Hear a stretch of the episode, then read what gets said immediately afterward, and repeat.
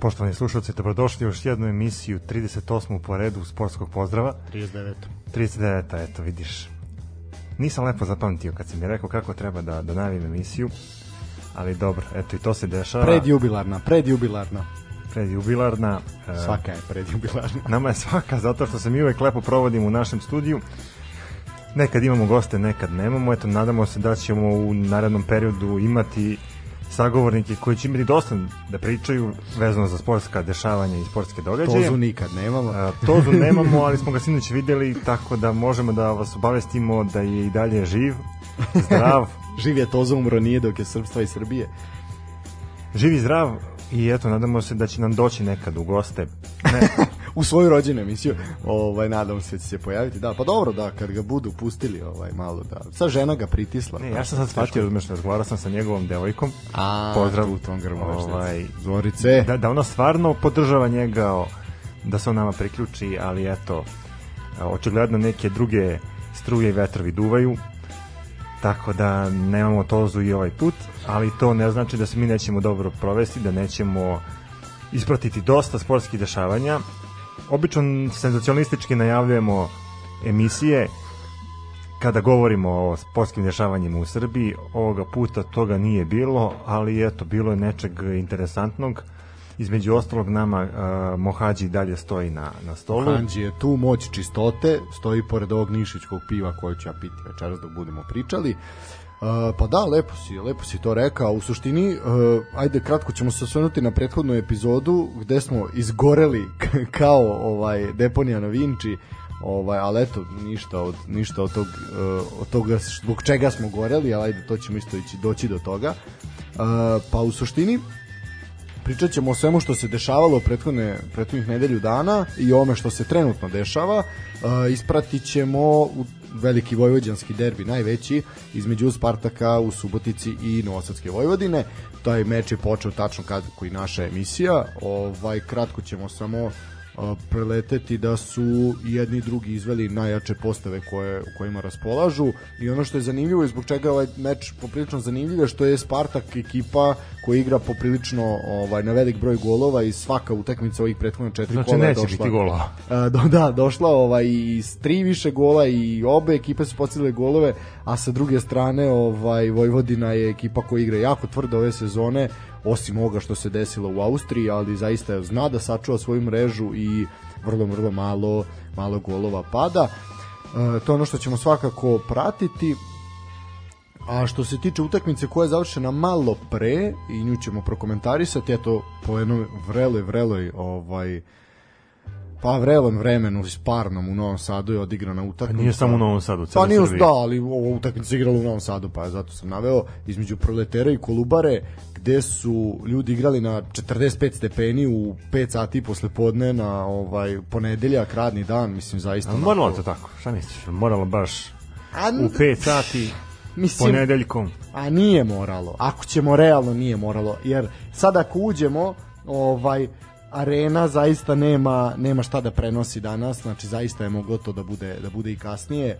Ovaj pritom ono što je zaista za svaku pohvalu je to što je utakmica a, bila m, ajde reći humanitarnog karaktera, zapravo se od da, sam novac od prodaje tako karata išao je za pomoć malog Boška. Boška. Da, da, ovaj zaista to je za svaku pohvalu, ali ne mogu da verujem. Znači eto, imate da sad prihod od ulaznice ide u humanitarne svrhe i onda stavite termin radnim danom u 17 časova na 45 stepeni, mislim zaista ovaj publike i ovako bi slabo bilo, mislim, a sa ovim terminom, mislim, zaista i bio je gotovo prazan stadion. Znaš kako, ja, ja sam ubeđen da je, da je više ljudi bilo par metara pored stadiona na, na bazenu, otvorenom bazenu Spensa, da. nego na stadionu. Jednostavno ljudi u trenucima kada su velike vrućine traže hlad, e, traže neki način da Ma ne, da smanje ovu sledeći put nek, nek zakažu u podne, jebi ga, kasno je u peti, mislim, ono, neki ide, neki ide u jedan sat, ono, nek piče po najgorem suncu. Pa mislim, zaista, ono, nikakvog obzira nema prema ničemu, ali to opet samo pokazuje da se termini igranja u Srbiji ne prave po tome da na publika dođe na stadion nego ono što može da se uklopi u areni u programsku šemu i to je ono što smo pričali da će biti problem ove sezone zato što arena prenosi sve živo i tek kad počneš i engleze od naredne, gotovo je, tu će biti, biti zaista problematično. No, Ellen, što bi rekli, ajmo redom, uh, ajmo ono što kratko samo što se desilo uh, u prethodnom ovaj prethodnoj emisiji, mi smo to ispratili, ali ajde samo kratko ćemo reći, na kraju je TSC, to je kraj četvrtog kola, Radnički i TSC su u Nišu odigrali 2-1 je bilo za TSC, jedan onako pravi prvenstveni duel, mi smo to komentarisali, kratko ćemo samo reći da su Đuro Zec i Saša Tomanović bili strelci za četvrtu pobedu kluba iz Topole sa privremenim sedištem u Senti, ali neće to još tako biti dugo, dok je Kasalica, eto, u 73. minutu iskusni Filip Kasalica smanjio rezultat, eto, utašni povodak za radnički, to se zaista dominirao na meču.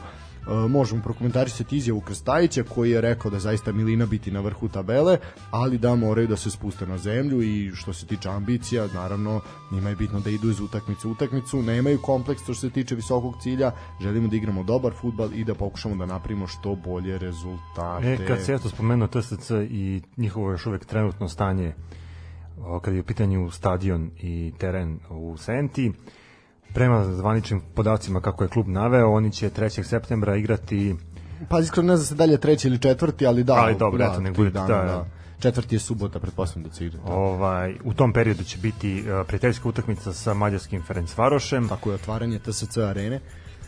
Se stvarno zove TSC arena? Da, tako će se zvati. Ovaj, Mislim, Pričali smo da je postojala mogućnost da se stadion nazove po, po Zoltanu Sabu. Da, ali mislim da preminulom nešto, da. treneru TSC-a, ali eto, izgleda ništa od toga. Znači, zvanično TSC arena će biti uh -huh. otvorena početkom septembra. Bilo je pitanje septembra. da će biti Sat Trakt arena ili će biti TSC arena ili sve, ali mislim da ipak bolje bude TSC arena nego da nosi po sponzoru.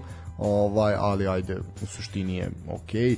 Uh, što se tiče toga, da, gostuje Ferenc Varoš, mislim jasno je svima zašto dolazi Ferenc Varoš, ovaj, da je to prijateljski klub, ovaj, eto, što se tiče uh, stadiona, on je onako lepo izgleda i u fazi je poslednjeg onog nekog šminkanja i sređivanja i zaista jedno velelepno zdanje koje će biti poprilično uživanje posetiti, a eto mi se nadamo da ćemo i mi tamo i mi tamo ovaj pronaći svoje mesto i da ćemo eto biti deo tog istorijskog trenutka kada će ovaj kada će se eto otvoriti nov nov stadion u Srbiji.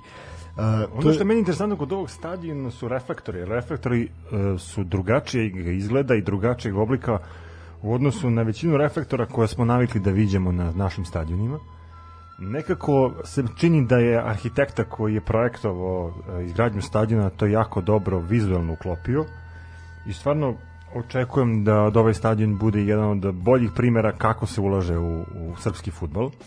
Naravno, pošto je u pitanju strani kapital, kapital uh, postoje neke drugačije smernice kako treba strane ulaganja a, ovaj, usmeriti. Pa nije, nije to samo ali... što je u pitanju strani kapital, to je u pitanju privatan kapital. Znači ti čim imaš neko ko, ko ovaj odgovara za to što je što je dao pare, znači mora da se zna gde je svaki dinar otišao, onda se tu napravi onako kako treba da se napravi.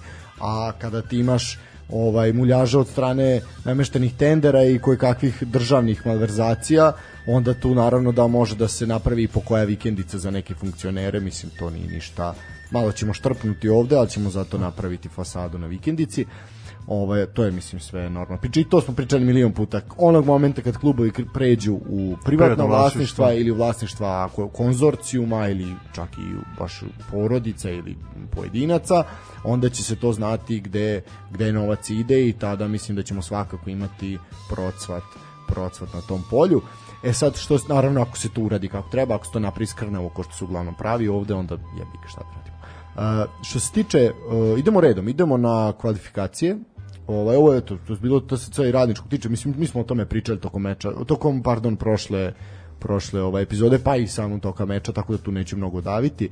Uh, što se tiče kvalifikacija, mislim da to najviše ljudi zanima. Da, da, da. Sve ovaj. oči srpske sportske javnosti usmerene su ka da. Evropi i ka našim predstavnicima koji da se bilo... eto nisu nisu proslavili, odnosno pa, polovičan je bio rezultat A i Između ostalog, da. Uh, više ih je ispalo nek što je prošlo. Pa, dobro, ali ako pogledamo ko je još ostao u igri, I ako pogledamo šta smo mi prognozirali, koliko smo mi najavljivali u narodnom kolu, možemo da kažemo da smo eto ovaj put malo i omašili. Poprilično, da.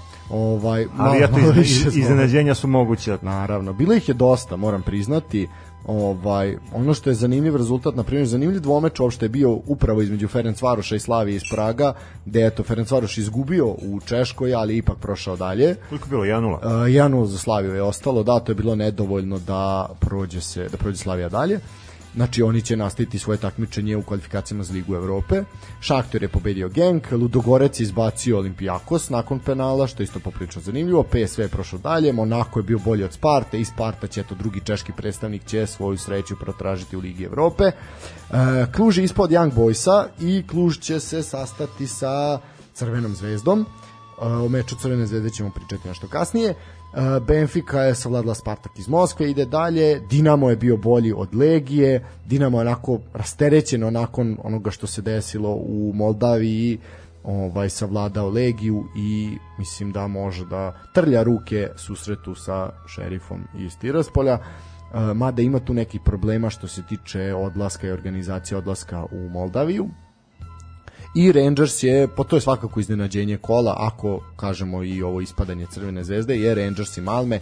Rangers je poveo sa 1-0, na poluvremenu je bilo 1-0, Uh, Malme je dobio crveni karton i ali ipak dao dva gola na krilima sjajnog uh, Veljka Birmančevića i Antonija Čolaka, zaista fantastično su odigrali momci, 2-1 Malme ponovo pobedio i zasluženo prošao dalje.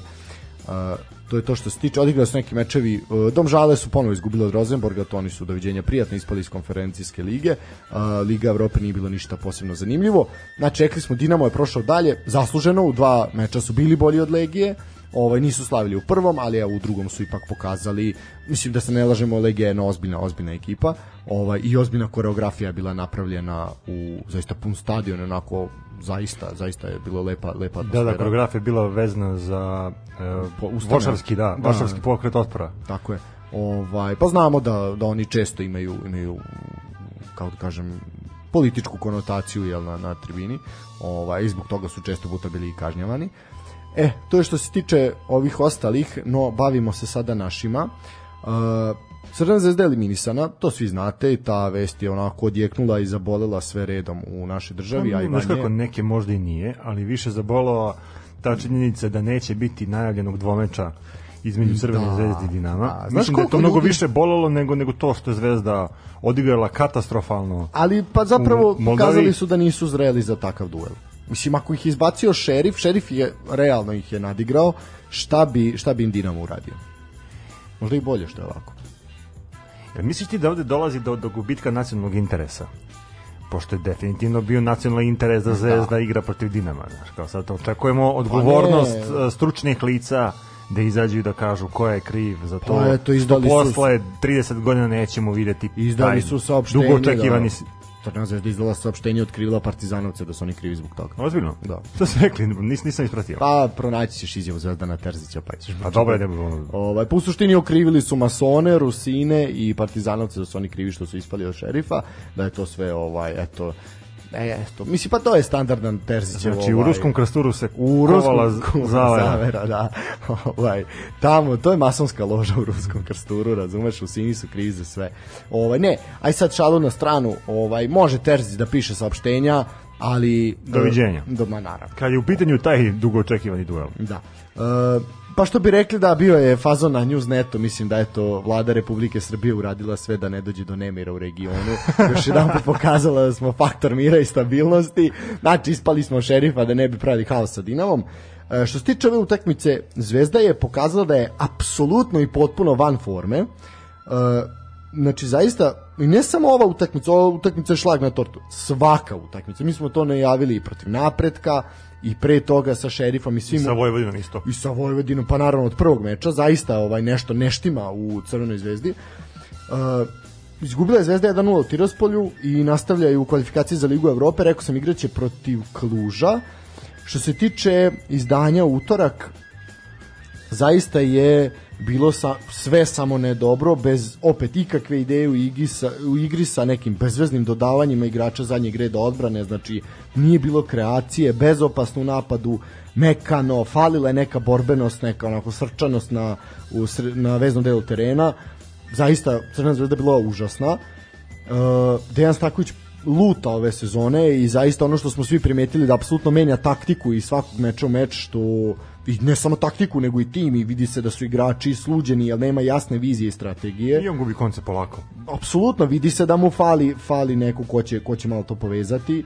Uh, što smo sami rekli, znači ovakva zvezda igrala bila i protiv Vojvodine, i protiv Mladosti, i protiv Napretka, pa eto i u oba meča sa Šerifom, u prvom meču sa Kairatom, znači onaj nalet u Beogradu je bio protiv Kairata onako jedno zavaravanje i jedno onako mazanje očiju. Uh, što se tiče ova dva duela... Ipak se nije upalila mašina, kako rekao Milan Borja. Da, da, da.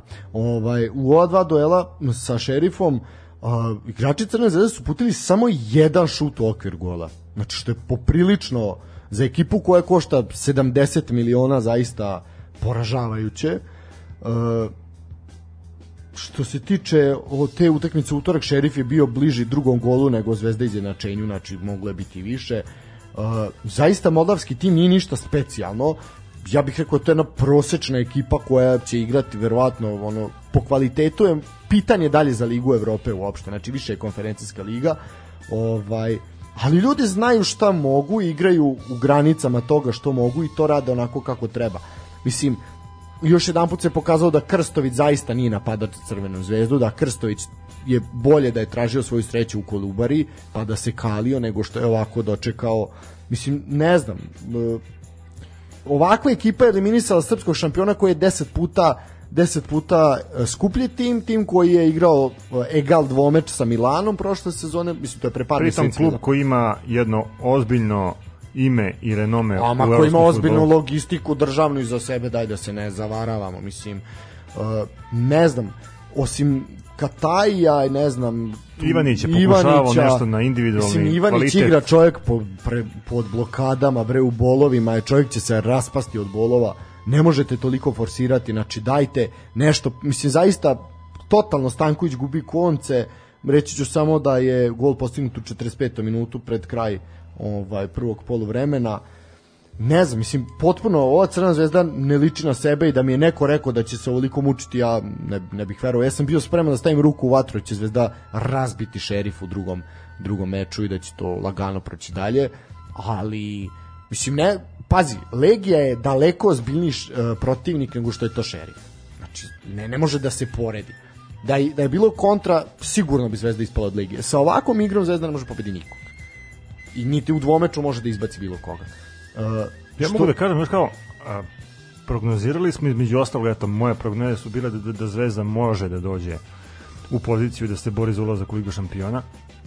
Kako je to krenulo sve dovođenjem Dragovića, a, dovođenjem a, nekih drugih igrača koji su pritom stranci, to je stvarno delovalo impozantno na, na, na prvi mah. Međutim, kada pogledamo Zvezdu na terenu, Zvezda, Zvezdin tim se raspada. Apsolutno. Oni nemaju igru, Nisu tim, oni nisu nemaju, oni nemaju napad, znači njihova postavka se više svodi na individualni kvalitet. Ovaj tim kao tim ne funkcioniše kako treba. E, imamo izmene i u liniji odbrane. Apsolutno. E, Stanković pokušava nekom rotacijom da pronađe. Ali ne možeš konstantno rotirati. Mora Pa biti- prvo, ne možeš da, da to radiš u trenucima kada se boriš za, za ulazak u Evropu, znači to si trebao da radiš mnogo ranije na tim prijateljskim utakmicama, zato prijateljske utakmice između ostalog i služe. Druga stvar, ekipa se eventualno uigrava čak i tokom prvenstva, ti u prvenstvu opet nisi to radio.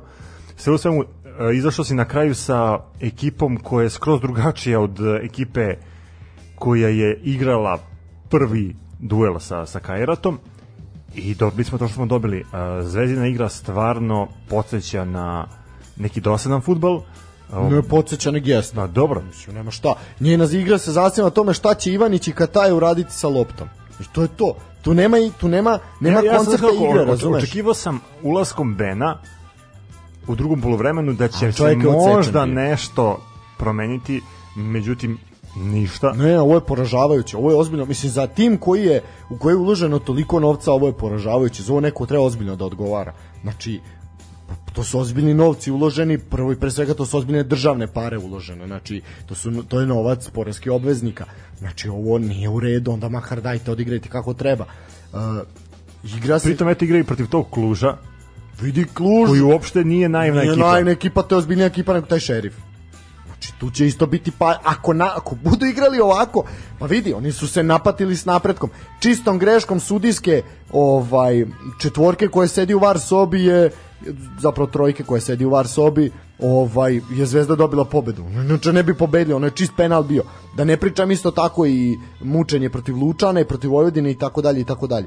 Pritom su i ovi svi izašli sa po pet klinaca u ekipi. Mislim to je isto ono prevelik respekt, respekt da tako kažem. Što se tiče meča, mislim gotovo, prosutim mlekom ne vredi žaliti i plakati, tu nema šta, gotovo je. E, ono što je sam video i onako poprilično opet pokazalo kakav smo mi narodi da mi zapravo i ma mislim isti smo mi jedni i drugi ali ovaj mislim i na na Zagreb i na Beograd Uh, znaš koliko ljudi je potrčalo kad je izvučen Dinamo da kupi sezonske za Crvenu zvezdu? Zato što je bilo jasno da će se do karata protiv Dinama jako teško Da, da. doći, onda su bili sigurni dajte da kupimo sezonske. I sad su, jel to je onako spektakularno propalo, I sad se te sezonske koje je neko platio 9000 mogu na, na Limundu naći za 1000 i po dinara. Znači što je sramotno. A isto tako, ista je priča vezana i za stadion u Maksimiru. Znači isto tako, svi su hteli Crvenu zvezdu, niko neće, neće gledati Dinamo. Tako da, došli bi zbog zvezde, ne bi došli zbog, zbog Dinama, isto tako i ovde samo u kontrasmeru.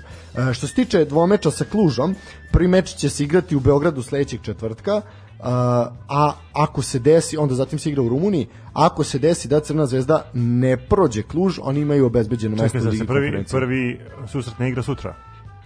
Ne, pa to je četvrtak Liga Evrope. Igra se u četvrtak. Sad ćemo proveriti. Ja mislim da je 17. Ajde, proverimo. Ili, ili je onda na zvaničnom Ne, ne. sajtu Crvene zvezde došlo... Ne, to je do, to ti je zbog eh, za akreditaciju i za Ne, ne, ne, ne. Bila je Evo- vest. Evo ti pogledaj, znači, 17.8.2021. u 21. H Crvena zvezda Kluž. Pa ja ne znam. A to je ovde piše četvrtak. Ali ja sam video da Ja, ja, da, da, da verujemo zvezdi na reč. Ja mislim da bi trebalo da bude četvrtak kako su ipak kvalifikacije Jeste, za jeste, ligu. pomereno je za, za, pomereno je za utorak, u pravu si trebalo da se igra četvrtak, igra se utorak uh, i bit će opet uh, dece, to sam, ja sam video da je pomereno i samo vreme, skraćeno je to vreme za akreditaciju ovih uh, škola futbala koja će dovesti mališane na tribine, ovaj, znači eto, ipak će se igrati sutra, pa dobro, eto, sutra 21 čas, zatim uh, revanš u revanš u kako se zove u Rumuniji. E, što se tiče o- u svom ovom periodu rekli smo ako Crna zvezda čučne protiv Kluža, e, imaju obezbeđeno mesto u Ligi konferencije, što je eto dobro da šampion ima svakako. Znači, barem ćemo imati jednog predstavnika za Sigurno, sad. sigurno imamo jednog predstavnika, znači eto, to je dobro ako ste šampion države, onda znači dovoljno je da Da prođete bar prvo kolo. bar prvo kolo u sezoni kupanja i predsezoni godišnjih odmora ovaj i eto možete da igrate ligu konferencije. U ovom svemu dok se ovo sve dešavalo tih dana ovaj i tih sati mađarski mediji su objavili jednu bombastičnu vest a to je da će Željko Gavrić postati novi fudbaler Ferenc Varoša E, to je tamošnji portali su plasirali tu vest e, nisu naveli koliko bi mogao da iznosi transfer međutim već dan kasnije su i naši mediji objavili da je otišao za oko milion milion eura što je poprilično poražavajuće s tim da se prošle sezone pričalo da za ovog izuzetno talentovnog momka se nudi po 4 miliona ali eto kako to obično biva odu za mnogo manje para otišao Ferenc Varoš tim koji se eto plasirao u play-off za ligu šampiona i eto igraće, igraće Gavrić na otvaranju stadiona u Bačkoj Topoli. E, to je što se tiče utorka 10. idemo na Ali igraće u drugačijim dresovima, a kad smo kod dresova, Zvezda je predstavila novi dres. svoj novi dres. Koji... Zapravo nije još zvanično bilo predstavljanje, samo su ako pustili jedan teaser. To je e, replika Dres iz 97. Tako je, naravno Stanković je počeo u tom, u tom dresu. A, mogu reći da je Macron odradio odličan posao. Mislim, onaj ko nije vidio, vidjet će, vjerojatno sutra će biti to zvanično. Mislim, će možda čak i igrati u tim dresovima. Ovaj, meni to odlično izgleda. Pa meni se sviđa, moram Mislim, da ti priznam. Beo Banka dresovi, to, Da, da, da, to, to kapa, Banka, da, da, kapa, je kapa je bila. pravila. Bili su lepi i tada, da se ne zezamo, a ovo odlično je Macron uradio i mislim da trenutno ovaj ovo što je uradio Macron je mnogo bolje nego ovo što je Nike uradio sa Partizanom. Dobro, ako pričamo o Partizanu, stvarno ovaj dres uh, ne liči ni na šta, ali ajde kad, kad smo kod Zvezde, uh, mene zanima, ok, taj dres iz uh, 97. odnosno ta replika tog crveno-belog dresa, danas izgleda sasvim dobro. i- Moderno, da, do, moderno. moderno. moderno opet ima taj Da, retro ali fazon što me zanima kakva je gostujuća garnitura. Nisi još predstavio. Nisu još predstavili, da vidjet ćemo da će to biti sutra. Ili je to samo ili je to samo taj jedan, znaš kao, imali su oni prošle sezona Zvezda imala poseban dres za evropska takmičenja. Znaš, Mahrun radi odličan posao, se mi ne lažemo, Mahrun kao, mislim, uslovno rečeno manja kompanija, što zaista jeste upoređeno sa Nikeom i Adidasom, se onda malo više posveti klubovima. Ono što Mahrun radi, uh, u, recimo u regionu Mahrun drži Hajduk kao najveći, tržišno najpopularniji klub u svom regionu i to što oni rade sa njima je fantastično. Ovo što rade sa Crvenom zvezdom je takođe poprilično dobro. Ovo što radi Nike Partizan kao recimo drugi je veliki najveći klub u, u našoj državi je poprilično slabo i poprilično jezivo. Znači vi ako uđete u Partizano shop, to ne liči ni na šta, to je sve prazno. Znaš, Pa dobro, i Partizan što i ovako liči ni na šta. Pa tako je, tako je. Za razliku od šopa Crvene zvezde koji ne može se poredi. Znači kao da nisu u istoj, istoj galaksiji. Dobro, to je već do, do, do, marketinga. Ne, a pa naravno da je, pa mislim, ne, apsolutno, apsolutno, nema šta da pričamo. A, što se tiče srede, u sredu nisu igrani ni jedni, uh, ni odigrani ni jednom, ni jedno ovaj, utakmica kvalifikacija, se igra UEFA Super Cup, koji je Chelsea nakon penala osvojio protiv Villarreala 2-1, ali mi ne pratimo te ovaj, lige, tako da to nećemo komentarisati. E, ajmo na četvrtak, ono što nas gde je prava esencija futbala, to su ove niže i slabija, slabija takmičenja, niže lige. E, duel Alaškerta i Kajrata, eto, koji smo toliko pratili, završen je 3-2 nakon produžetaka za Alaškert, gde je Kajrat imao čak i dva crvena kartona, znači ono, ludilo, totalno. Šta je još imao? Mura je pobedila Žalgiris, prošla je u play-off uh, kvalifikacije za Ligu Evrope, eto slovenački šampion će se naći tamo, što je zaista pohvalno. Uh, Galatasara i St. Johnson, to je meč ovaj bio zanimljiv za navijače Vojvodine, ukoliko bi Vojvodina prošla Lask. Uh, Galata je dobila 4-2 u Škotskoj, tako da bi Vojvodina čekala St. Johnson, ali će sačekati ipak nešto drugo. Celtic je pobedio Jablonec, to je bilo očekivano. Što se tiče kvalifikacija za ligu konferencije, tu smo imali uh, dosta lokalnih predstavnika i prvi su izašli na teren u dalekoj švedskoj momci sa Banog Brda i tu je ono što smo rekli da smo promašili apsolutno da mi je neko rekao da će Čukarički izgubiti sa četiri gola razlike će primiti pet komada ja bih rekao debelo smo mašili debelo. ne, ne, vidi ne vidi spreman sam bio u život da se opkladim da da ne da neće izgubiti sa četiri da neće nego da će ja sam očekivao da idu tamo malo znaš ono, odigraju kako treba na taj rezultat koji njima odgovara 1-1 2-0 da, i će primiti pet golova ne ne verovao. Mislim i to kakvih golova? vidi ne da su ih uh, mislim ne, ne znam, toliko su pokazali kao da su ono ne, ne znam šta, ne, ne mogu da kažem šta je razlog. Što kaže, ni na kraj pameti mi nije bilo da će Čukarička ovako loše odigrati. Totalno su ih natr, natrčali, bili su, ma totalno su ih izdominirali. Ovaj, nije Hamar bi sad neka svetska klasa pa da se ti kažeš ono, ne, mislim čak taj Lask je mnogo kvalitetnija ekipa od Hamarbija, ovaj, ali do tako, znači 90% utakmice da ljudi su ih ponižavali. Svaka čast Šveđanima, tu nema priče. Iskoristili su momentum, pregazili su Čuku, pokazali su Čukaričkom gde su im slabosti. Stala im Čuka. Bukvalno je da stala Čuka. Uh, mislim, nema ovde šta puno nešto da se analizira. Po meni Čukarički je čak možda izašao onako malo spuštenog garda, da li su se, da li su jednostavno, možda je, možda je i umor odradio posao, e, trener Čukaričkog nije menjao ekipu, to je ista ekipa koja je igrala u, Kolubari, pardon, u Lazarevcu protiv Kolubare, pa je izgubila tamo. Znači definitivno eto loša serija, loša serija rezultata. Videćete i zašto to kažem ko je pratio ovo ovo kolo, ovaj zna o čemu pričam. E, ne znam, epilog kakav jeste, svaka čast Čukaričkom ovom meču u Beogradu, ali da biste prošli dalje morate ponoviti makar približno takav igru, ovo, ne, ovo nije bila ista ekipa, ovo nije bila ista ekipa, ljudi, ljudi nismo gde da se povežu. NDA je taj trenut, znači bilo je 3-0, NDA je smanjio na 3-1 i ono kao, da, rekao, to je to, evo idemo makar na produžetke. Ma kakvi 5 minuta kasnije to opet su bili natovareni. Ne znam, zaista razočarenje. Svaka čast na meču u Beogradu, ali po meni mislim da su morali više da pokažu. Opet kažem... Kako, čuka... imam osjećaj da su pocenili protivnika ne bih ja rekao da su pocenili, mislim da su ga precenili.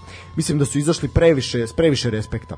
Da su izašli, u Beogradu su izašli onako kako treba, takmičarski idemo da im ono, sve po spisku. I tako su trebali izađu u Švedskoj. Nekako su, ne znam, zasenili, Skandinavija ih je ovaj, zasenila, ne znam šta bih šta bih rekao, ovaj vidi, svakako Čukarički je napravio iskorak u odnosu na prethodnu sezonu i odnosu na sezonu pre. Znači oni postepeno rastu kao klub ali šteta, zaista dva gola prednosti, idete protivniku koji može, znači pokazali ste da možete da ga savladate, zaista, zaista šteta, ali eto, više, više sreće naredne godine, svakako i eto, meni je žao, zaista mi je žao, Čuka je pa naravno, mislim, mi smo komentarisali njihovu prvu igru. Apsolutno su bili dobro. U prvoj utakmici i to je stvarno bilo lepo za oko. Uh, sa tom nekom euforijom smo ušli u taj drugi meč.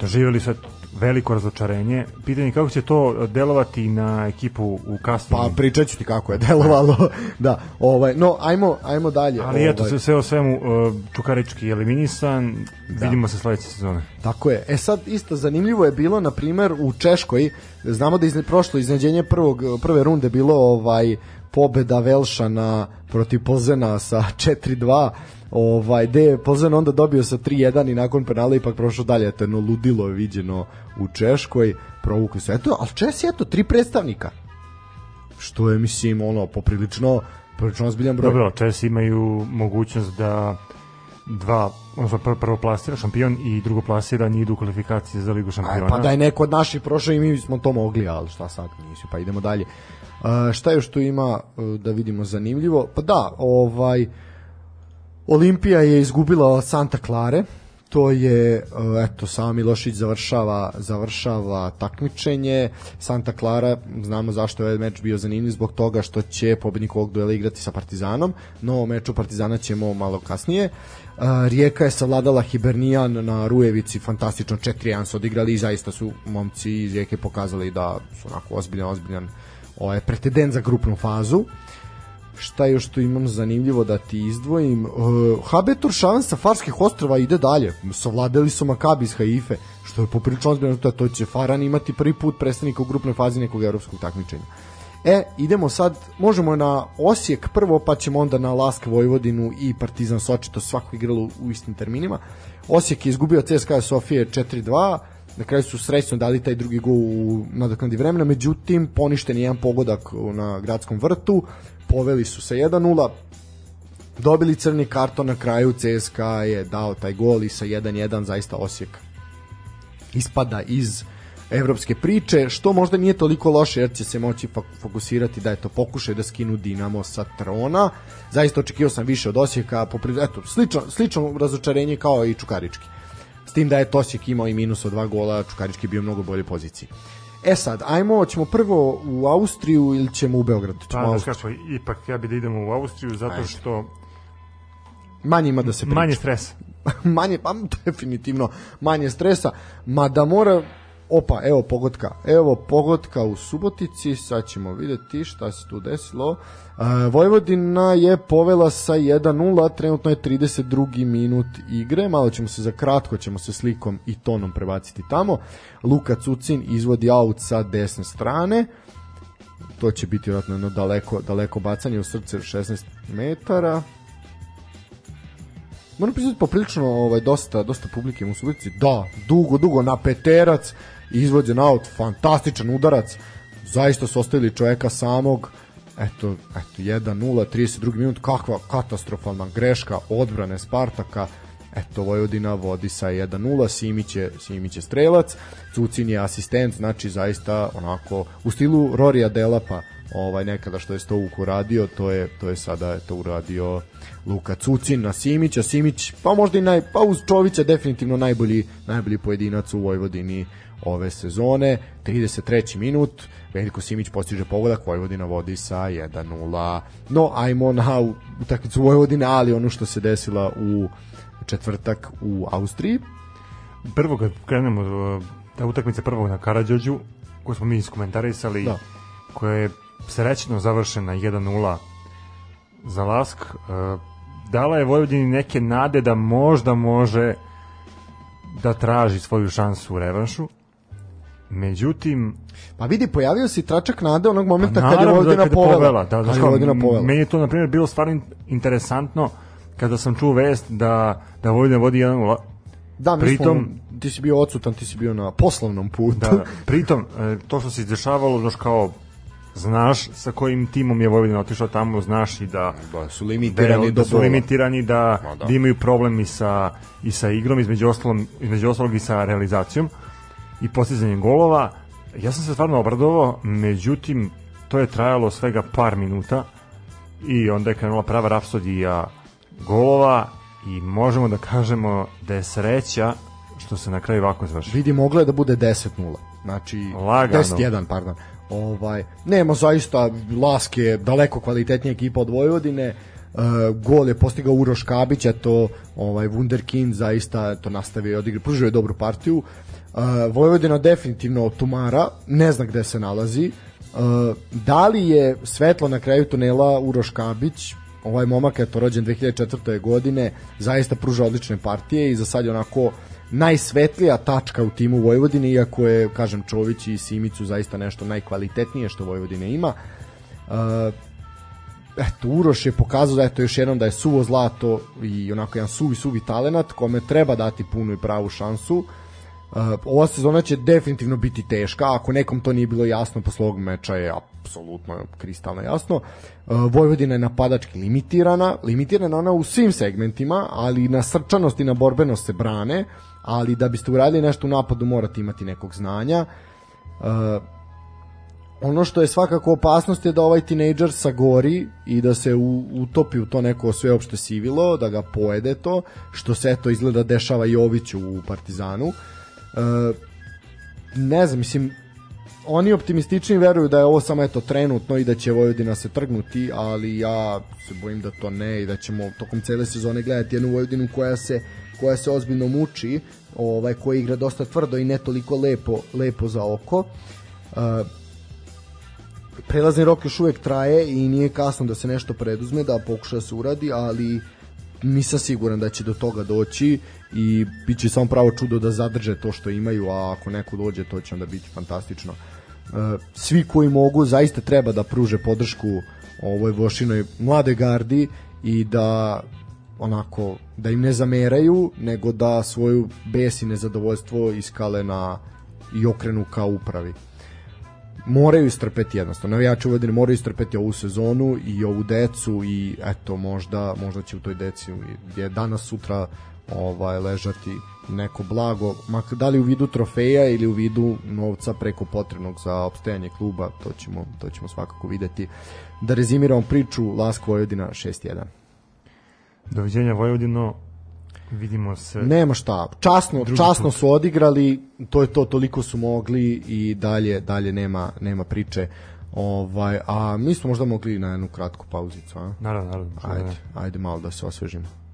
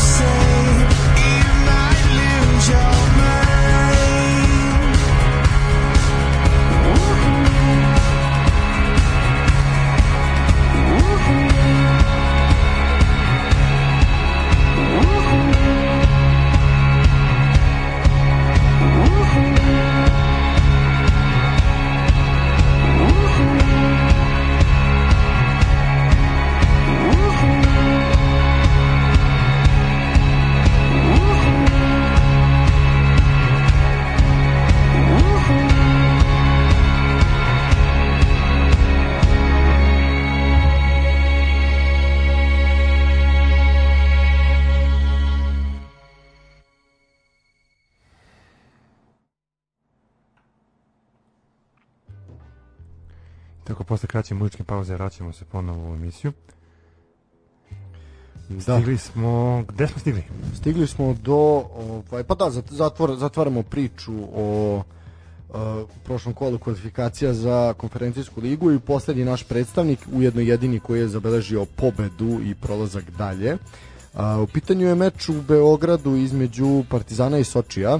A, kao što znamo, tamo je bilo 1-1. A, u Beogradu fantastična, prvo fantastična atmosfera na stadionu, a, dobro je krenulo, ovaj i onako što se tiče atmosfere i svega, opet onda u jednom momentu je bilo onoga što niko ne želi da čuje i vidi, a to su ona pogrdna politička skandiranja koja su eto opet ali sreća nije bilo incidenata i brzo su brzo su navijači Partizana shvatili da treba da podržavaju svoj klub, a ne da ne da mitinguju. Ovako nije počelo dobro što se tiče e, igre i golova Partizan jeste dobro krenuo međutim posle tih prvih 15 minuta agresije ka golu Sočija međutim Sočije pokazuje jedna prljava onako borbena ekipa koja ne igra lepo za oko ali se bore muški Uh, Terehov je bio strelac u 33. minutu za Soči, otišlo se sa eto golom za ostatka na polu vreme. Uh, U drugom poluvremenu Miloš Jojić koji je zaista bio osporavan od mnogih navijača tokom prethodnog perioda i same ove utakmice na asistenciju Lazara Markovića izjednači rezultat na 1-1. Onda je u 65 minuta ušao se i Duba Suma koga je publika minutima pre toga dozivala.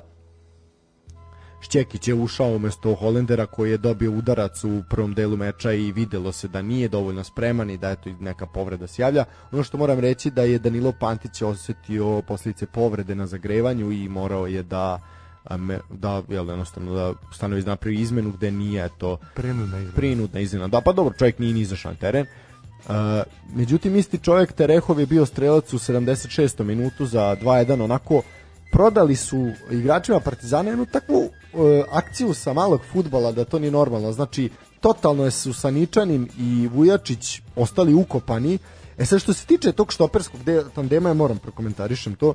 Znači, Vujačić u svaka čast, borbenost na maksimal. Znači, onog kada stoje njih dvojica u paru, znači kada jedan ne ispadne, to izgleda fantastično kako jedan od njih dvojica ostane sam, to je problem. Pogotovo ako Saničanin ostaje sam, jednostavno čovjek je ispao više puta, nije, jednostavno nema, nema tu brzinu da, da sustigne, ovaj, i tu, tu leži, leži problem i kad god su ubacili, ubacili tako neku loptu, bilo je, bilo je ovaj odbrana zaista na problemu. Svaka čast golmanu Popoviću, evo malih incidenata u Subotici, ali brzo se smirilo, mala kratka tuča, što je eto posljedica Na terenu vrućine. na Da, na terenu, na terenu, na terenu. Ovaj, sudija je to brzo smirio.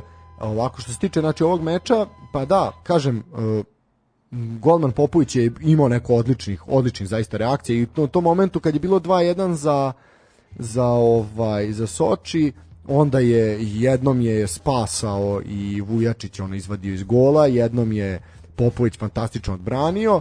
E, Terzić, mladi Terzić je ušao u igru umesto Jojića, Terzić je onako pokazao da ima talenat, da zna nešto i poprilično osveženje je meni bio se u sviđa ekipi. kod, kod njega što je pokazao u momentima kada je Partizan juri rezultat takvu želju da ja stvarno Ne, ne, nisam šta. video Bio je kod borben. mladih igrača tu rešenost da, da, da odluči nešto. Tako je, tako je, mislim Pritom zaista je na, na taj dečko- njegov centar šut Partizan je postigao taj drugi Tako je, u izjednačujući 90. gol. minutu, da. Šćekić je inače bio strelac. E, evo pitanje ko želi da osvoji knjigu, a može ujedno pitanje i za tebe. Znači ovako, Ali ja ne želim da ostavim knjigu. pa da uspiješ osvojiti knjigu, pitanje će biti jedno za tebe, drugo već. da. Ovaj, znači ovako, e, Šćekić je izjednačio nakon fantastičnog centra šuta Terzića. Šćekić je zaista kao najviši ku, ovaj, u ekipi uh, nadskočio sve i dobro, dobro, dobro kretanje. Vidi se da je uigrana akcija. Uh, to je bio jubilarni 400. pogodak Partizana u takmičenjima pod okriljem UEFA. Uh, prvi pogodak kao što znamo je delo Miluša Milutinovića 1955. godine onom prvom meču koje je Partizan odigrao protiv Sportinga u Portugal, tu je ujedno i prvi meč u, uh, U okviru u okviru šampiona. Pa u, u okviru uopšte UEFA-inih takmičenja. Bilo je 3-3. E, ja ću reći ovako, znači, stoti gol je postigao Vladimir Vermezović e, na onom čuvenom meču između Partizana i Rome kada je Partizan slavio 4-2 u Beogradu 88. godine. Pa posle možda prodao utakmicu. Tako je. E sad, pitanje za tebe, uh, tačnije pitanje za, za tebe ću postaviti pitanje, a pitanje će biti odvojeno za gledalce, za slušalce, pardon, ja gotovo prešao sam na video format. Ovaj, ko je postigao 200 ti gol? Sećaš li se? Čekaj, ne, znači ne znam. 200 ti gol, reći ću da je postignut u sezoni 2004-2005 od jedne grčke ekipe, poprilično smešne koja je došla na stadion. Čekaj, prvo da se setim koja bi ekipa mogla da bude. A... Seti se grupne faze sa Lacijom. Pa znam, ovaj, a ekipa je bila i Galeo. Da, dodaj loptu Simone. Da, Simon Vukčević, da. Simone, tako je. A pitanje za slušalce, ako žele da osvoje knjigu, ne mora to biti Mohanđi, možemo daći neku drugu pa ćemo pokloniti. Svakako ne čitamo knjige, nema vremena, gledamo domaći futbal. Ko je bio strelac 300. tog pogotka uh, i na kom, na kom meču, reći ću samo da se desio u sezoni 2012-2013 Što se tiče, znači, eto, 400 ti pogodak Šćekić, Partizan Soči, 2-2 2011, 2021, 2022. Šaljite odgovore na no, Instagram, na Facebook, Facebook na Twitter, znači sve, otvoreni smo za sve, pa eto, ko pogodi, ko nabije, taj dobije. E, što se tiče e, produžetaka, u 106. minutu je ušao Aleksandar Miljković umesto Lazara Markovića koji čovjek više nije mogu da stoji na nogama i onda je Živković, Marko Živković prešao na krilo. Živković je inače bio dosta solidan tokom celog meča, ovaj eto na kraju završio meč na krilu Urošević je ušao umesto povređenog e, pardon Obradović umesto povređenog Uroševića i u 110. minutu se onda dešava jedna čudna situacija koja se retko viđa. Da, Nemanja Stevanović. Tako je, Nemanja Stevanović je kaže da malo probijamo, da malo smanjimo. Ovaj da ovako, Nemanja Stevanović je ušao umesto Aleksandra Popovića u 110. minuti, ja sam se poprilično, poprilično uhvatio, uhvatio za glavu, jer sam mislio da tako nezagrejan Stevanović sa nekim šutem sa distance može ozbiljno da dovede ekipu u problem i bilo je par šuteva, znali su to igrači Soče, iskusni su to lisci, međutim Stevanović je dobro, dobro reagovao i onda smo ušli u penal seriju gde je zapravo Stevanović odneo, prvo je igrač Soče je pogodio stativu, da, sva četiri igrača Partizana su bili precizni s tim da se mora reći da je Suma imao malo sreće gde je lopta pogodila nakon stative golmana u leđe ušla u go, a e, četvrtu, u četvrtoj penal seriji je Rodrigu Stevanović odbranio penal zaista i tu su onako masa ljudi je tu skočila kao gotovo je, prošli su dalje, ali ne, morali su da daju go i onda je Vujačić zaista je man of the match bio, znači čovjek je odigrao fantastičnu utakmicu, spasao kao što sam rekao brdo situacije i izvadio je samo loptu iz gola i onda je odrea, odradio onako šuto je kao Milivoje, kao Milivoje Cirković, to je to mene podsjetilo, znači daš odbrambenom igraču. Pa da, ali posao golman u suprotnu stranu, nema šta. I delirium na stadionu Partizana. Ajmo ovako, znaš, mene je jako interesovalo mišljenje sportske javnosti vezano za taj famozni penal koji je Sejduba Suma izveo i na sreću Partizanovih navijača pogodio. A, mislim da u slučaju da je promašio, tu bi se verovatno uh, neke stvari drugačije možda izražirale, ali a, ako Dobro. pogledamo da je Partizan poslednji put na svom terenu kad su u pitanju evropska takmičenja igrao penale protiv uh, Art, Media. Art Media 2005. je tako? Tako je, tada nije prošao. Da, tada nije prošao. Imali smo situaciju gde pre, Pierre Boja uh, odlučujućem penalu pogodio upravo tu stranu i tu stativu. Da. Nekako se čini da je ovaj put sreća Vratilo bila na strani partizanovih igrača. Dobro, nekad mora i da se vrati. Ali stvarno uh, jako lepa vest uh, što je Partizan prošao dalje. Imaće šansu da u narednom kolu se domogne grupne faze Ligi konferencija. Pritom, eto, ti si bio na, na stadionu, pa možda nam kažeš viđenje kako sve to izgledalo. Ja znam dosta ljudi naravno partizanovaca koji su pratili taj meč i koji su bili na nivou emotivne erupcije. Takođe znam i, Absolutno i dosta ljudi koji su izgubili glas na, na toj utakmici. I tu smo bili. Ovaj, da, pa ne vidi, bila je deo deo redakcije, evo kažu da se sad bolje čujemo. Ovaj deo redakcije sportskog pozdrava, dve trećine sportskog pozdrava su bile tamo. Toza je, videli ste, ja sam podelio sliku na Twitter, Tozinu euforiju, pre početka utakmice i nakon ovaj prvog produžetka gde se vidi da onako su svi se onako već kad je počeo drugi produžetak svi su već se uhvatili uhvatili za za glavu i onako poprilično je to emotivno bilo i zaista i ne pamtim kad sam gledao emotivniju utakmicu na stadionu Partizana. Ovaj pogledao sam ih dosta u poslednje vreme. Tako da apsolutno je trebalo je, to ono što je trebalo. I da nije bilo publike, mislim da ne bi, ne bi to ovaj, na takav način se i tako emotivno iznelo. I zaista je bila jedna apsolutno filmska priča i filmska pobeda. Uh, definitivno emotivno pražnjenje i sa tim se može eto kao neki razlog uzeti u obzir i te povrede i smrtni slučaj koji je imao Lutovac ovaj da eto zašto se odložila utakmica sa Metalcem. Mada bih ja lično na svom mestu da, da sam ja nešto pitam ja bih odigrao ja bih proterao tuda pa šta bude ali eto, Partizan zasluženo ide dalje, apsolutno. Soči je pokazao da je tvrda, nezgodna ekipa koja će vratno narednih godina, ako nastavi ovako da se razvija, biti jedan od ozbiljnih konkurenata u tim nekim osrednjim ovaj takmičenjima pod okriljem UEFA. Mislim da je Partizan utakmicu dobio između ostalog i na to evropsko iskustvo. Može se reći. Soči kao mlada ekipa koja prvi put izlazi u Evropu nije mogla da se snađe baš najbolje u nekim momentima i mislim da je Partizan to iskoristio. Apsolutno. Svakako Partizan mora da se okrene narednoj utakmici i mora vidi, da razmišlja. Nisu iskusni kao ekipa, da, izvini, nisu iskusni kao ekipa, ali imaju iskusne pojedince i vidi se da su onako namazani ne, sa ško, školovana ekipa definitivno o, da, uigrana, ali to nije bilo dovoljno da prođe Partizan ovaj put. E sad, Partizan ide na Rajsko ostrovo. ide, ide, ide, ide na, na Santa Claru, ide na Santa Claru, koja je ono na pola puta između Njujorka i Beograda, ovaj, što je poprično daleko. Uh, zanimljiv je termin odigravanja meča. Meč se igra u 22.30 po našem vremenu. Uh, možemo reći da je to idealan termin za Partizan koji je o, odlično odigrao dve posljednje utakmice koje su se završali oko ponoći. Imamo onu u Pazaru i ovu da, da. protiv, protiv Sočija. Uh, ne znam, vidjet ćemo, ne znam šta možemo da očekujemo od Santa Clara, znamo da je to razvojni tim Benfike, ono malo što sam ja video, mislim to je standardna portugalsko-brazilska ekipa, ono dosta prljavo, dosta brzo, dosta simuliraju, dosta padaju, znači igraju brz futbal, za razliku od Sočija i mislim da tu može biti problem za Partizan. Ako krenu da trče da trče za njima biće biće tu problematike. Ono što je prednost Partizana je da vest da nekoliko igrača Santa Clara se nalazi u karantinu zbog moguće zaraze COVID-19. Sad videćemo da li će oni biti. To je bilo e, vezano za meč e, protiv Olimpije i za kolo portugalsko protiv Moriense, ja mislim su igrali. Ovaj sad videćemo da li će to isto važiti za meč sa Partizanom. Uh, tako da eto, uh, ono što je zanimljivo je da je Ricardo Gomes dok je igrao u Portugalu davao golove Santa Clari. Tako da eto, poznaje ih, poznaje ih, pa eto, vidjet ćemo. Mislim da Partizan može da prođe. Može da prođe dalje.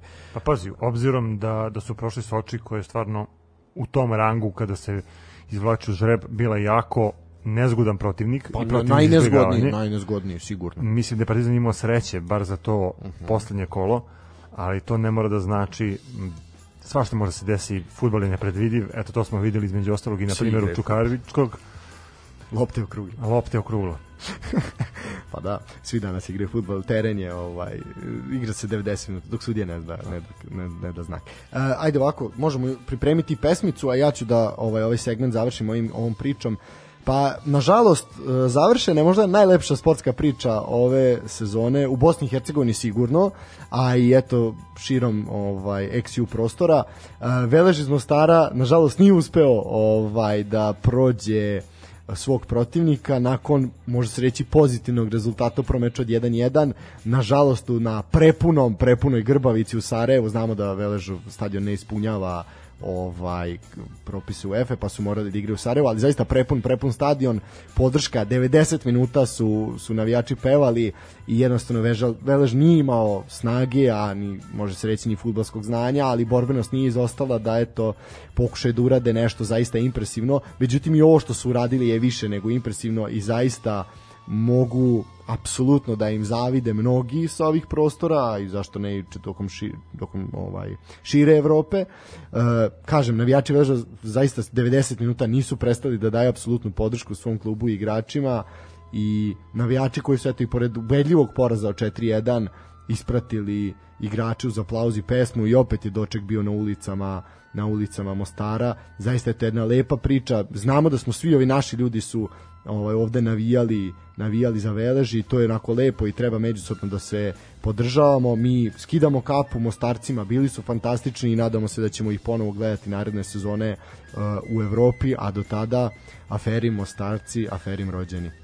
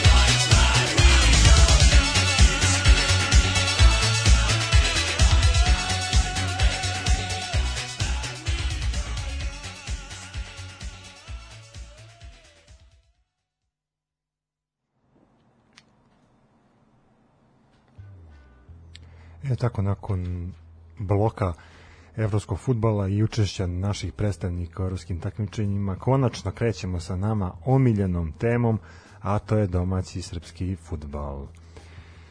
Pa eto, Stanislave, došli smo na pragu tako peto kola. Tako je. Ovaj, e, tako je, počelo je sve... U... Počelo sve prvo komplikacijom gde su pojedini klubovi odložili svoje utakmice. Da, prvo je Crvena zvezda odmah posle ispadanja od šerifa odložila utakmicu protiv radnika iz Surdulice u Surdulici. Zatim je isto uradio i Partizan nakon prolaska gde je odložio utakmicu protiv Metalca. Ja opet kažem, ja bih na njihovom mestu to odigrao, ali ajde, jer bolje je da su odigrali još jednu utakmicu pardon, u Beogradu, pa da onda putujete na Santa Claru, pa da onda odložite utakmicu kad se vraćate iz Santa Clara, jer bi onda ste opet, onda ste i opet u Beogradu. Znači, po meni ja bih, ja bih tako uradio, mislim da je ovo greška, Uh, sa jedne strane pokazuje koliko je tanak roster Partizana s obzirom da nakon dve povrede i jednog izostanka zbog zaista porodične tragedije koju nećemo komentarisati, ova koja je opravdana u svakom, u svakom slučaju, ovaj vi morate da odložite, odložite utakmicu po meni ovo pokazuje da je klupa Partizana kratka. Vidim da je uh, Ilijev najavio pojačanja, s obzirom da je Danilo Pantić povređen, da ga neće biti duže vremena. Znači, padaće bombe na stadion Partizana. Padaće bombe, da, sad vidjet ćemo, priča se da je neki stranac u igri, vidjet ćemo. Pa pazi, kad je Lijev u pitanju i, i prelazni rok u Partizanu, uvijek je neki stranac u pitanju i uvijek da. spominje neko zvučno ime, na kraju dobijemo ništa. Pa da, ajde recimo da je to tako, a vidjet ćemo. Mislim, ajde vidjet ćemo. Tresla se gore, rodio se miš. Uglavnom to tako bude. E, ono što je još jedna vez zanimljiva koja se desila pre samog početka kola, a to je da je na u sednici upravnog odbora Futbolskog kluba Novi Pazar e, doneta odluka da klub neće organizovano voditi navijače na gostovanja tokom ove sezone.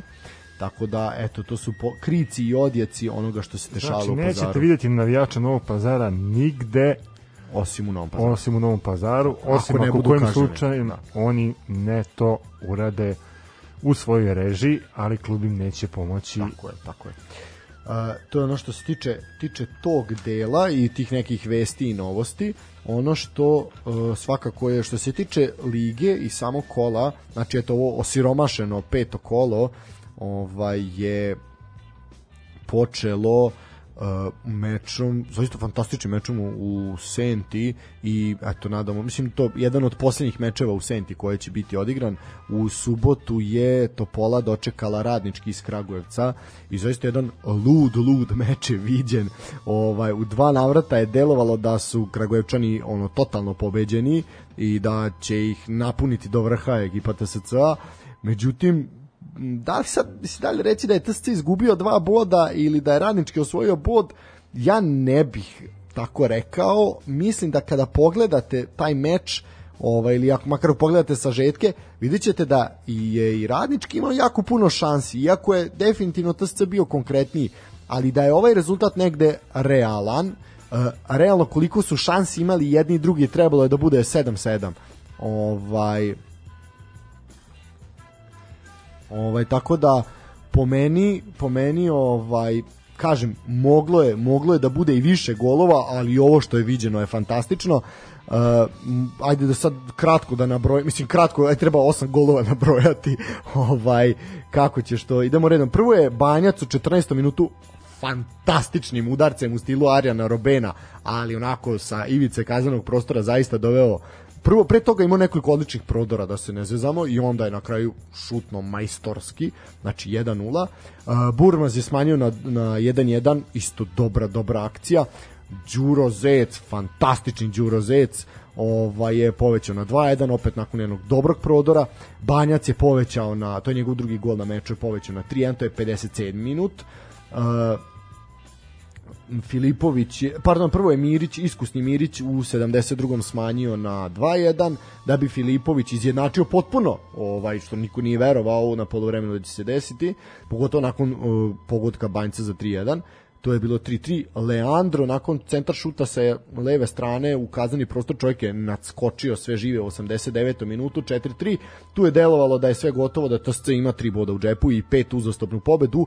Međutim, iskusni Mirić u penalu u 90, iz penala u 95. minutu ovaj je doneo doneo bod radničkom iz Kragujevca, bio je čist penal i zaista nema, nema šta se priča. Eto, meč je trajao 96 minuta, utakmica zaista koja je bi oduševila sve i oduševila je sve koji su je gledali, a da je bilo 10.000 ljudi koja što će biti na novom stadionu, zaista zaista bi svi onako uživali. Jedna ozbiljna ozbiljno dobra dobra utakmica i ozbiljno onako ozbiljan nivo fudbala je je viđen jedno od najinteresantnijih svakako ovog i dosadašnjeg toka sezone, a i svakako u ovom kolu.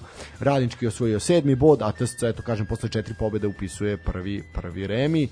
Uh, nemam šta da kažem, Četa Mladena Krstajića nastavlja da igra dobro, jednostavno mogli su ovde kažem ubedljivo da pobede, ali eto ipak je par, par trenutaka nepažnje, eto taj glup faul u 95. minutu u kaznenom prostoru ih je koštao koštao bodova, no dobro, svakako je ovo sve, sve dosta, dosta dobro. Idemo dalje u... Idemo dalje u Kruševac. A, u Kruševcu bombe padaju. Stvarno je bilo dobro utakmica. A, jeste. Uh, prvo je poništen gol mladosti, i to odličan, prelep gol je poništen zbog faula. Uh, onda je Kerkez uh, postigao auto pogodak, onako dosta spetljano je reagovao u petercu gde je poslao. Teo da, ne znam sam šta je teo, da li je teo da primiri tu loptu ili je hteo da je izbije na prvu, sve u svemu poklopio je Đonom i ona je ušla nakon centrašuta s desne strane, ušla u sopstvenu mrežu, to je 40. minut bilo bio, uh, zatim je Mršić u 56. izjednačen 1-1, imao je napredak još nekoliko, nekoliko šansi i onda pa ne znam, sa 60 metara, maestralno, Saša Marjanović, kakav pogodak, ovaj doneo zaista pobedu napretku i ako nije video gol, neka otrči ovaj na YouTube i neka pusti zaista zaista fantastičan pogodak Saše Marjanovića koji je izjavio da mu je od bila želja da postigne takav pogodak kao što je njegov uzor Dejan Stanković to uradio više puta tokom svoje Pazi, karijere. Dejan Stanković je postigao gol sa, sa pol, protivničke polovine. Tako je. Pa i ovo Marjanović je postigao sa svoje polovine. Uh, ja bih rekao da nije, nije bio ja, sa mislim svoje. da jeste. Ne, ja bih rekao da je bio sa vama. Ipak je bio je u krugu sigurno, ali sigurno je bio ne, pa bio, 60. Bio, bio u krugu na, na, na svojoj strani. Nije na sa svoje da nije bio na protivničkoj polovini. Nije bio da, na protivničkoj. Da, 60 da. metara, tako da, da nismo se razumeli da sa svoje polovine je postigao pogodak. Ovo što je mislim vidi zaista i pa baš za, smo, za sad gol sezone. Definitivno, za sad je definitivno gol sezone. E, malo smo se prisetili na Twitteru tih pogodaka sa uh, polovine terena. Da li možeš, mi smo se prisetili tri pogotka, ja, ovo je jedan od ta tri. Da li možeš da se setiš? Jedan se desio prošle sezone, a jedan se desio uh, prošle sezone je bilo kad uh, Goja primio Milan Borjan, a ne mogu da se setim ko je dao. Čukarički je da. bio, Luka Stojanović je postigao pogodak, sada mislim da se nalazi u Americi da igra, a predno deseta godina je to uradio Ivan Petrović dok je igrao isto za radnički, ovaj i ta taj pogodak ga je preporučio Partizanu i on je otišao u Partizan međutim nije se u Partizanu proslavio tako da eto to su to džaba mu gol džaba mu gol da ovaj tako da je to što se tiče tog meča eto kažem zaista zanimljiv jedan susret e, moram pohvaliti e, pa sad i, grad Kruševac ali i sam klub pa i napredak pa i Trajal koji ovaj su malo ušminkali stadion i zaista sada stadion ovaj, u Kruševcu izgleda jako, jako lepo. Tako da eto, ali opet zaista malo, malo publike viđemo u Kruševcu što je onako razočaravajuće. Pogotovo što imaju eto sada klubi u i u Superligi i u prvoj ligi. Hoćemo ispratiti pogodak? Pa mogli bi kad se već dogodio. Da, 50. minut. 50. minut se igra u Subotici. Uh, Subot, uh, Spartak ima malo pre nula lepu šansu gde je lopta pala u peterac, međutim traljavo su uh, reagovali igrači, napadači Spartaka, a sada m, loše ispucavanje devetaka, borbeno na sredini terena, bore se, visoko podignuta noga, pušta sudija prednost, ulazi u kazani prostor, vraća na peterac, kakav pogodak svaka čast, lepa, lepa akcija i dosta statična. I kod prvog i kod drugog gola dosta statični štoperi. Tufekđić je sjajno prošao po boku, vratio loptu na peterac, sada se onako odbojkaško proslavljanje gola, ovaj mora se priznati. I za 1-1 Milan Marčić u 51. minutu, zaista eto e, pa to je ono što smo rekli Spartak igra svoje mečeve da oba tima daju po jedan gol i uvek pada 3 plus, tako da evo, sad je vreme da odigrate na live-u da će pasti još jedan gol. eto, lep, lep potez Tufekđića, sjajno se izborio za loptu, prošao dvojicu igrača, vratio na peterac gde su rupa, rupa, jedna statični, dosta statični štoperi i Marčić pogađa za 1-1. No, ajmo mi dalje ajmo u meč, a meč koji nema šta preterano da se komentariše, a to je Ali meč, meč koji izazvao posle neke komplikacije, bar kad je u pitanju domaćin, Mm, tako je. odnosno ekipa Čukaričkog koja je na svom stadionu dočekala ekipu Radničkog Niša. I ovaj meč završio bez pogodaka. Da mi je ovo neko rekao, zaista pre ne, ne bih mm, verovao. Ču, Čuka zaista uzdrmana je posle ovog petarde u Švedskoj i posle onoga poraza od Kolubare. Radnički nije nešto puno bio ovaj napadački nastrojen.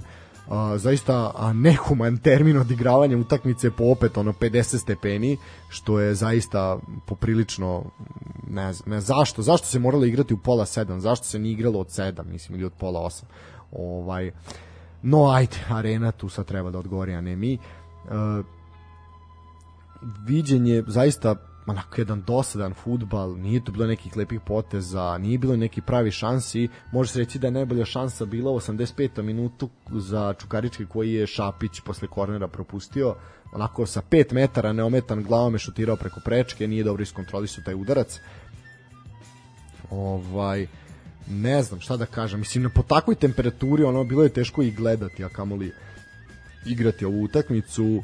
Uh, ovo je već treći uzastopni duel ova dva tima koji je završen rezultatom 0-0, pa eto možemo reći da tradicija se nastavlja. Uh, ono što si ti rekao, krici odjeci ovog meča su da je Dušan Đorđević, rekli smo po procentima najuspešniji trener Superlige, je podne ostavku na mesto trenera Čukaričkog, eto posle e, eliminacije od Hamarbija, Remija, e, sa radničkim, pa i poraza od Kolubare, da, da definitivno. Đorđević je rešio da podnese ostavku, zahvalio se upravi Čukaričkom na dve godine izuzetne saradnje, zaista su ostvarili dobre rezultate, on je posljednjih 11 meseci bio prvi trener uh, Čukaričkog nakon što je Veselinović otišao u Saudijsku Arabiju.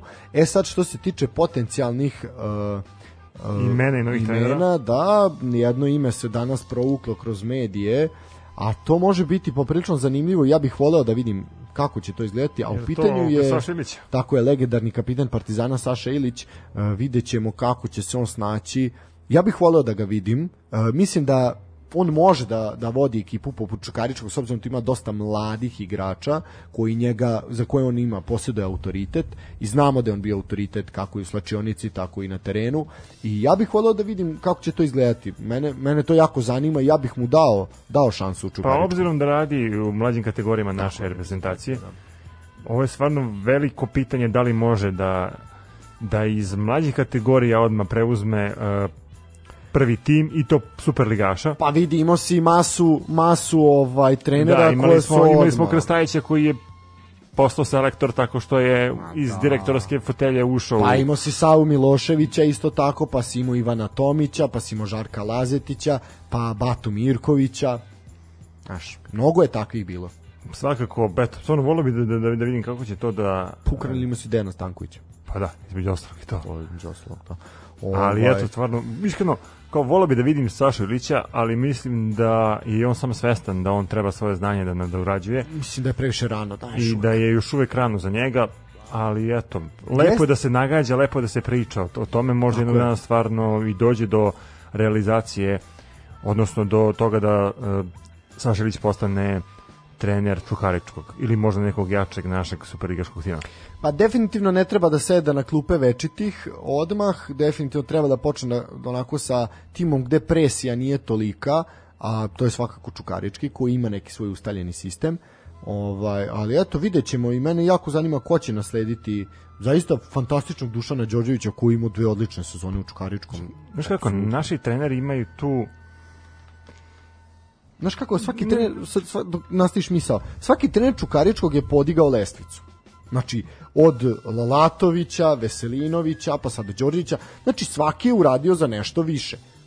I to tako treba da ide. Sad samo treba Da, opet ja, nastaviti. ja gledam, znaš kako, naši uh, treneri vrlo brzo dobijaju otkaze nakon par utakmica gde ne ispune očekivanja. Dobro, on je sam dao otkaz. On je sam dao otkaz i opet, uh, ja mislim da je on to shvatio i kao neki moralni čin, obzirom da je imao tu prednost ovaj, u toj evropskoj utakmici sa Hamarbijem i to je stvarno velika propuštena prilika Da. Čukaričkog, ali jednostavno to što sam iz- izjavio, interesovalo me kako će ekipa reagovati posle tog peha. E, ekipa je doživjela eto, neuspeh, na svom terenu igrala 0-0, verovatno je i on povučen svim tim događajima koji su sledili u roku od 10 dana, da je na kraju to podneo ostavku. Pa vidi, ali stvarno... tri, tri ozbiljna šamara. Da, da. Prvi ozbiljna šamara. Prvu Kolubara, Gde Hanovu, vodite pa 1-0 pa uh, primite tri gola od Kolubare. od Kolubare. Be, uz svo dužno poštovanje Kolubari. pa pet onda komada. pet komada u Švedskoj, pa onda I to odigra- na kakav način Da. pet komada, znači to je da. i onda na kraju odigrate mizerno. Protiv ekipe koja vas nije ni napala. Vidi, da je Šapis dao taj gol, možda u 85. minuta, možda bi bilo drugačije. Znaš, ali jebi ga sad, šta je tu? Uh, jedna vest se isto pojavila, iako, znaš, ono kao ja sam ovo mm, sve ostavit ću za utakmicu sa metalcem, partizana i metalca, ali definitivno i metalcu nešto ne štima ove sezone i čovek koji je bio najbolji strelac metalca u prvoj ligi Srbije pretprošle sezone jedan od najzaslužnijih što se metalcom što je plasirao u Superligu ovaj, pa i prošle sezone je odigrao fantastičnu sezonu Aleksandar Katanić uh, je raskinuo sporazum ugovor sa metalcom eto nakon prestiža metalac ostaje bez još jednog napadača što je onako poprilično alarmantno E, raskinut se ugovor koji je trebao da traje do juna 2023. godine, fantastičan udarac Spartaka, ali odlazi tik preko prečke, 58. minut je. E,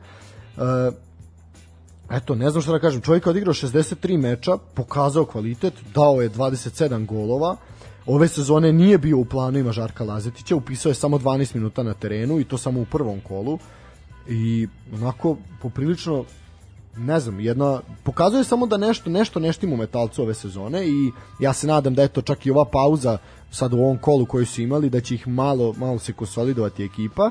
To se sve dešavalo recimo u subotu, pošto smo pričamo sad mečima koji su bili u subotu, ovaj da bi već u nedelju čovek potpisao ugovor sa mladosti iz Lučana.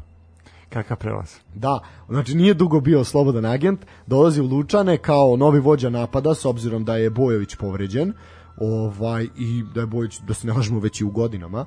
Ovaj tako da eto dolazi kao ovaj Kao slobodan igrač. kao slobodan igrač, ali dostojna zamena, to sam da kažem, eto Neško Milovanović je bio najbrži, povukao ovaj potez i sad se očekuje onako dosta efikasnija pa i ubojita ekipa ekipa iz Lučana. Eto to je onako jedna jedna zanimljivost, jedan ovaj videćemo kako će ga dočekati dočekati u Gornjem Milanovcu kada bude kada bude E, igrao. Da. A kao što si evo već e, napomenuo, selimo se na sledeću utakmicu. Da, utakmicu od 19 časova u Da, nedelju sa između Banovog brda na, na Voždovzac. tako je. To je bila utakmica između... krov. Pa da, između... bliže suncu, toplije je. bliže autoputu. Da, da, i to još i- pa isparenja. Ovaj pa ništa, Voždovac Novi Pazar sve ono što nismo videli na meču Čukaričkog i Radničkog videli smo ovde. Jedna dobra utakmica. Ne, pa dobro, dobro, ne, zaista, zaista u što se tiče nedeljnog programa apsolutno najkvalitetnija utakmica, ovaj što nije mnogo teško kad se poredi sa ovim Čukaričkim. Ako izuzmemo, znači posle TSC i Radničkog, ovo je po kvalitetu bila ovaj Najbolja utakmica. najbolja utakmica. I sad više eto, na primjer, ovog kola nismo imali Zvezdu i Partizan. I ali opet je viđen dobar. Nis, da, nisi imao Zvezdu i Partizan, nisi imao uh, Vojvodinu i koja je igrala kasnije, Pa dobro, da, ali znaš kao računaš Nisi da ne uzimao za vikend, da, nisi imao za vikend, da. Stvarno, utakmica je zavredila pažnju i po meni definitivno u ovom kolu možda čak i druga najbolja. Druga, druga sigurno. Mada moram priznati, ovo sad što gledam krajičkom oka, 60 minut je u Subotici dosta dobar futbal, dosta dobar futbal, tako da ovaj ovo će biti sigurno treća. Ako se sad ne desi, on ne padne šest golova za ovih pola sata. A neće. Ne, a neće, da. Ovaj da, ajmo na ajmo na uh, krov tržnog centra. Šta reći, pet golova, dva penala, dobar, dobar futbal. Uh, Pazar je krenuo silovito u, u, na otvaranju meča, onako imali su nekoliko nekoliko šansi, ali je u nadoknadi prvog poluvremena Stefan Hajdin nakon lepe minijature, nekoliko ono brzih dodavanja i povratnih pasova igrača e, Voždovca i neko je šutirao tamo iz peterca, međutim lopta se odbila do Hajdina, čovek je uspeo da smesti loptu u praznu mrežu, eto u 48. minutu tehnički ovaj, je postignut prvi pogodak, otišao se na polu vreme, e, odmah, evo, dobre akcije sa krila, kakav pogodak moraš ovo da vidiš. Kakav gol sa levog krila, fantastično. Nema šta, čovjek je prošao, čovjek je prošao jednog igrača, odmakao loptu u stranu, 62. minut je Spartak vodi sa 2-1, to je to, to je 3 plus, gol, gol i 3 plus ponovo pada. Raduju se, imaju zašto se raduju, raduju se i navijači, zaista je ovaj ne, fantastičan pogodak. Ovo može posle gola Saše Marjanovića definitivno da bude u konkurenciji za drugi najlepši pogodak. Nema šta, zaista, zaista udarac, sad ćeš vidjeti još jedan put. Srećković je bio bio strelac, srećan, da, Nikola noge. Srećković je ponovo bio srećne noge, 62. minut 2-1 je, evo i Šimura mu čestita, ovaj, Evo, pogledaj, sjajno je prošao lopta u stranu, sad, 25 metara, da, da, da, kakva bomba, svaka čast. Eto, Spartak vodi se 2-1. Rekao sam, dobar futbol, nema šta. Ljudi, gledajte našu ligu, slušajte sportski pozdrav, daleko ćete dogurati, bit ćete srećni u životu. No, ajde, rekli smo da je Hajdin postigao, postigao taj pogodak.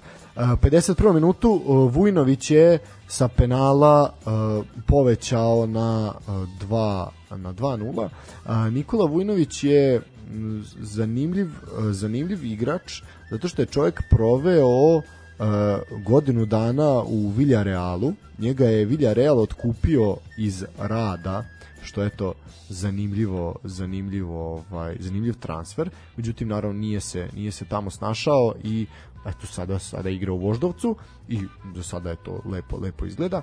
To smo rekli, tu je bilo 2 2-0 i onda na 2-1 je smanjio uh, Nemanja Mladenović zaista lepim golom sa ivice kaznenog prostora.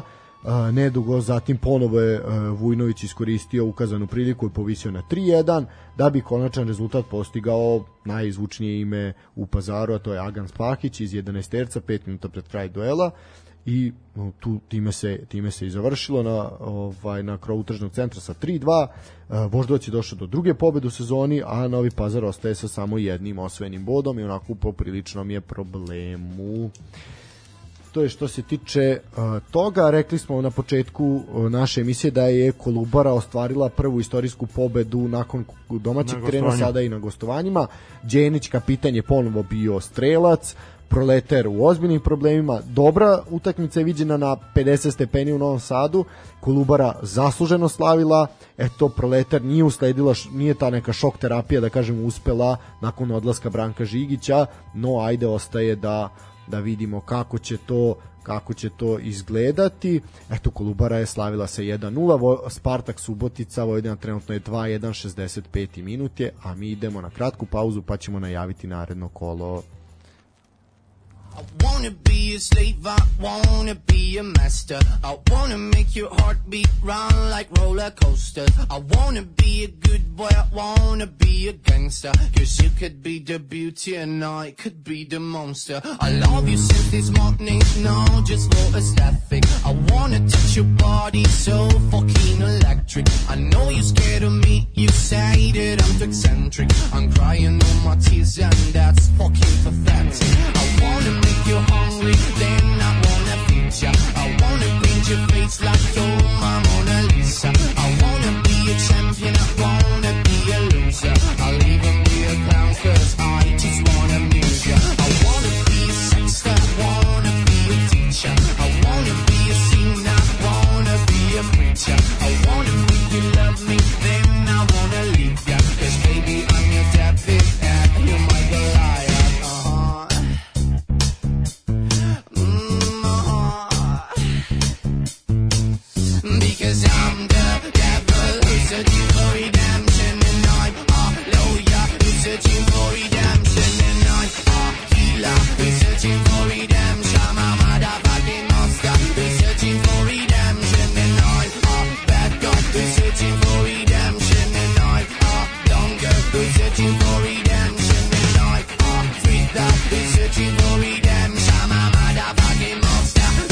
looking for redemption.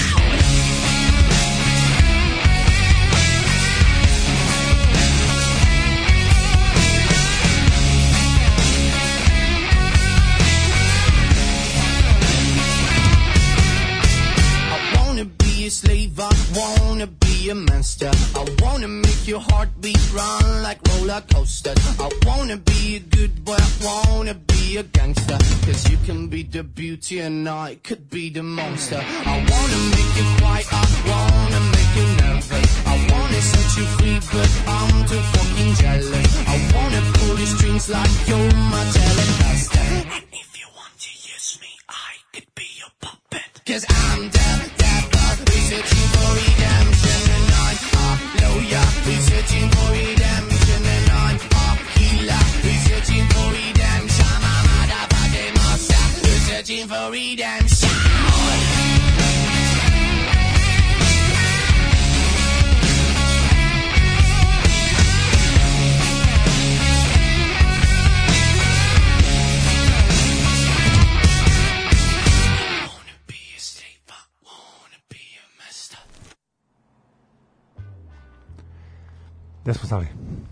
A, da, pa evo, mi smo najavili njihovu pobedu na, na Euroviziji, ovaj, eto, pa smo sada malo ih ponovo, ponovo pustili, a evo gola još jednog u Subotici, 2-2, kakav pogodak, sjajan cetaršut sa desne strane u srce kazanog prostora, najviši je bio, najviši je bio, sa onda opet se svi raduju, sad ne vidim ko je bio najviši, evo, kako, kako, o, koliko znači ovaj pogodak Slavoljubu Đorđeviću, ne, svaka čast.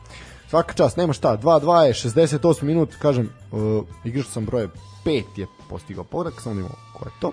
Ovaj, zaista, zaista je to fantastičan, fantastičan derbi, gledamo, opravdalo je sve, sve očekivano. Dušan Stevanović je bio strelac u 68 minutu, 2-2 je odličan, odličan centar šut, čovjek je fantastično skočio u petercu i lepo prebacio loptu preko golmana Spartaka, ništa tu e, Mišo Dubljanić nije mogao, nema šta, čovjek je fantastično reagovao, da je još toliki bio Dubljanić ne bi mogao da odbrani. To je to, idemo, idemo dalje. Idemo na najavu kola. Idemo na najavu kola, da, samo sekundicu jednu. Znači, eto, lep, lep futbal, pratimo. Uh, naravno, bilo bi jako lepo kad bi nam ostavili komentare kako vam se čini ovo naše komentarisanje uživo meča. Meni ovo jako prija, ja sad ne znam da li slušalcima prija, ali Tebi, meni... tebi prije naravno, zato što se dereš. a A volim da malo zapalim atmosferu. E, da, ajmo na najavu prvo domaće lige, pa ćemo onda pričati o Evropi. E, ovako, domaća liga će e, nastaviti već, znači lopta da se kotrlja već u petak. U petak 20. u 18.55 u, u Lučanima mladost dočekuje radnike Surdulice koje je ovo kolo odmarao. E, malo bolji termin, ali samo malo. Malo. Malo samo. Malo samo, malo, rado bih te tako, kako ide na pesma. Ovaj, što se tiče drugog meča u petak, šta, ajde sad prognoziraš ovde prvo to. Mi smo sad videli Surdulicu, ovo kolo, ja mislim da će ovde biti golova. Mislim da će ovde biti golova. Realno je da obe ekipe daju po jedan gol. Piše. Pa ajde, realno, što znam. Piše. Piši. Znači, mladost, radnik, gol, gol. Mladost, radnik, gol, gol. Ja mislim pobeda mladosti 2-1. Znači, od 2 do 3. U, dobro, dobro, imamo ozbiljne opklade. Uh, 21 čas, metalac, voždovac. Hm, u, ovde bi sad voždovac mogu da uzme bodove, s obzirom da metalcu je ozbiljan problem. Pa mogo bi, ali... X2, a? ali metalac je imao priliku da, Da malo odmori. noge, da, Da, se možda će odigrao poprilično dinamičan meč, da. Pa ja bih isto ovde rekao gol, gol i X2. Eto, recimo da će obe ekipe dati po jedan gol, a da će to voždovac ostati neporažen. Šta ti kažeš? Ja kažem opet Kec na O, veruješ u pobede domaćina, dobro. Još jedan put vidimo fantastične golove na osavojeđanskog derbija. A e, drugi meč, tačnije drugi dan takmičarski u 16.55. bravo idioti. Što bi rekao Milo Đukanović, bravo kreteni. Znači, jebote, pa je moguće Čekaj, na znači, sad- 40 sad- stepeni. sad idem na weather Ajde uđi, uđi vedar. E, to sam upravo kažem. Aj majke te uđi na ono na Yahoo Weather ili, ili na Jugoslava Nikolića i na Republički hidrometeorološki zavod. Pa da li ste vi normalni u 5 sati po paklu onom da neko igra? Prvo, ko, e, prvo meč između Radničkog iz Kragujevca i Čukaričkog u, Čuk, u, pardon, u Kragujevcu. Znači, to je meč koji će biti dobar futbal. Znači, i jedni i drugi su pokazali, pogotovo Čuka sad. Pa, pazi ovo. Znači, pričam samo za Beograd. Pa dobro, ajde recimo da uzećemo kao relevantno.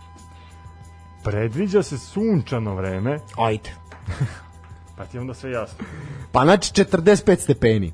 A ne, pa ja ne mogu da, ali ne, pa, pa to je alavost, alavost arene, koliko god da ih nekad hvalimo, ovaj put zaista moramo da ih kudimo, a nema smisla, ljudi, imate pet programa, pa nemojte puštati dokumentarne filmove na petici, pustite futbal, ovo nije normalno da se igra. Prvo, nije normalno da se igra, nije normalno da sedi, da se gleda, pa ljudi će popadati, bre, šta je s vama?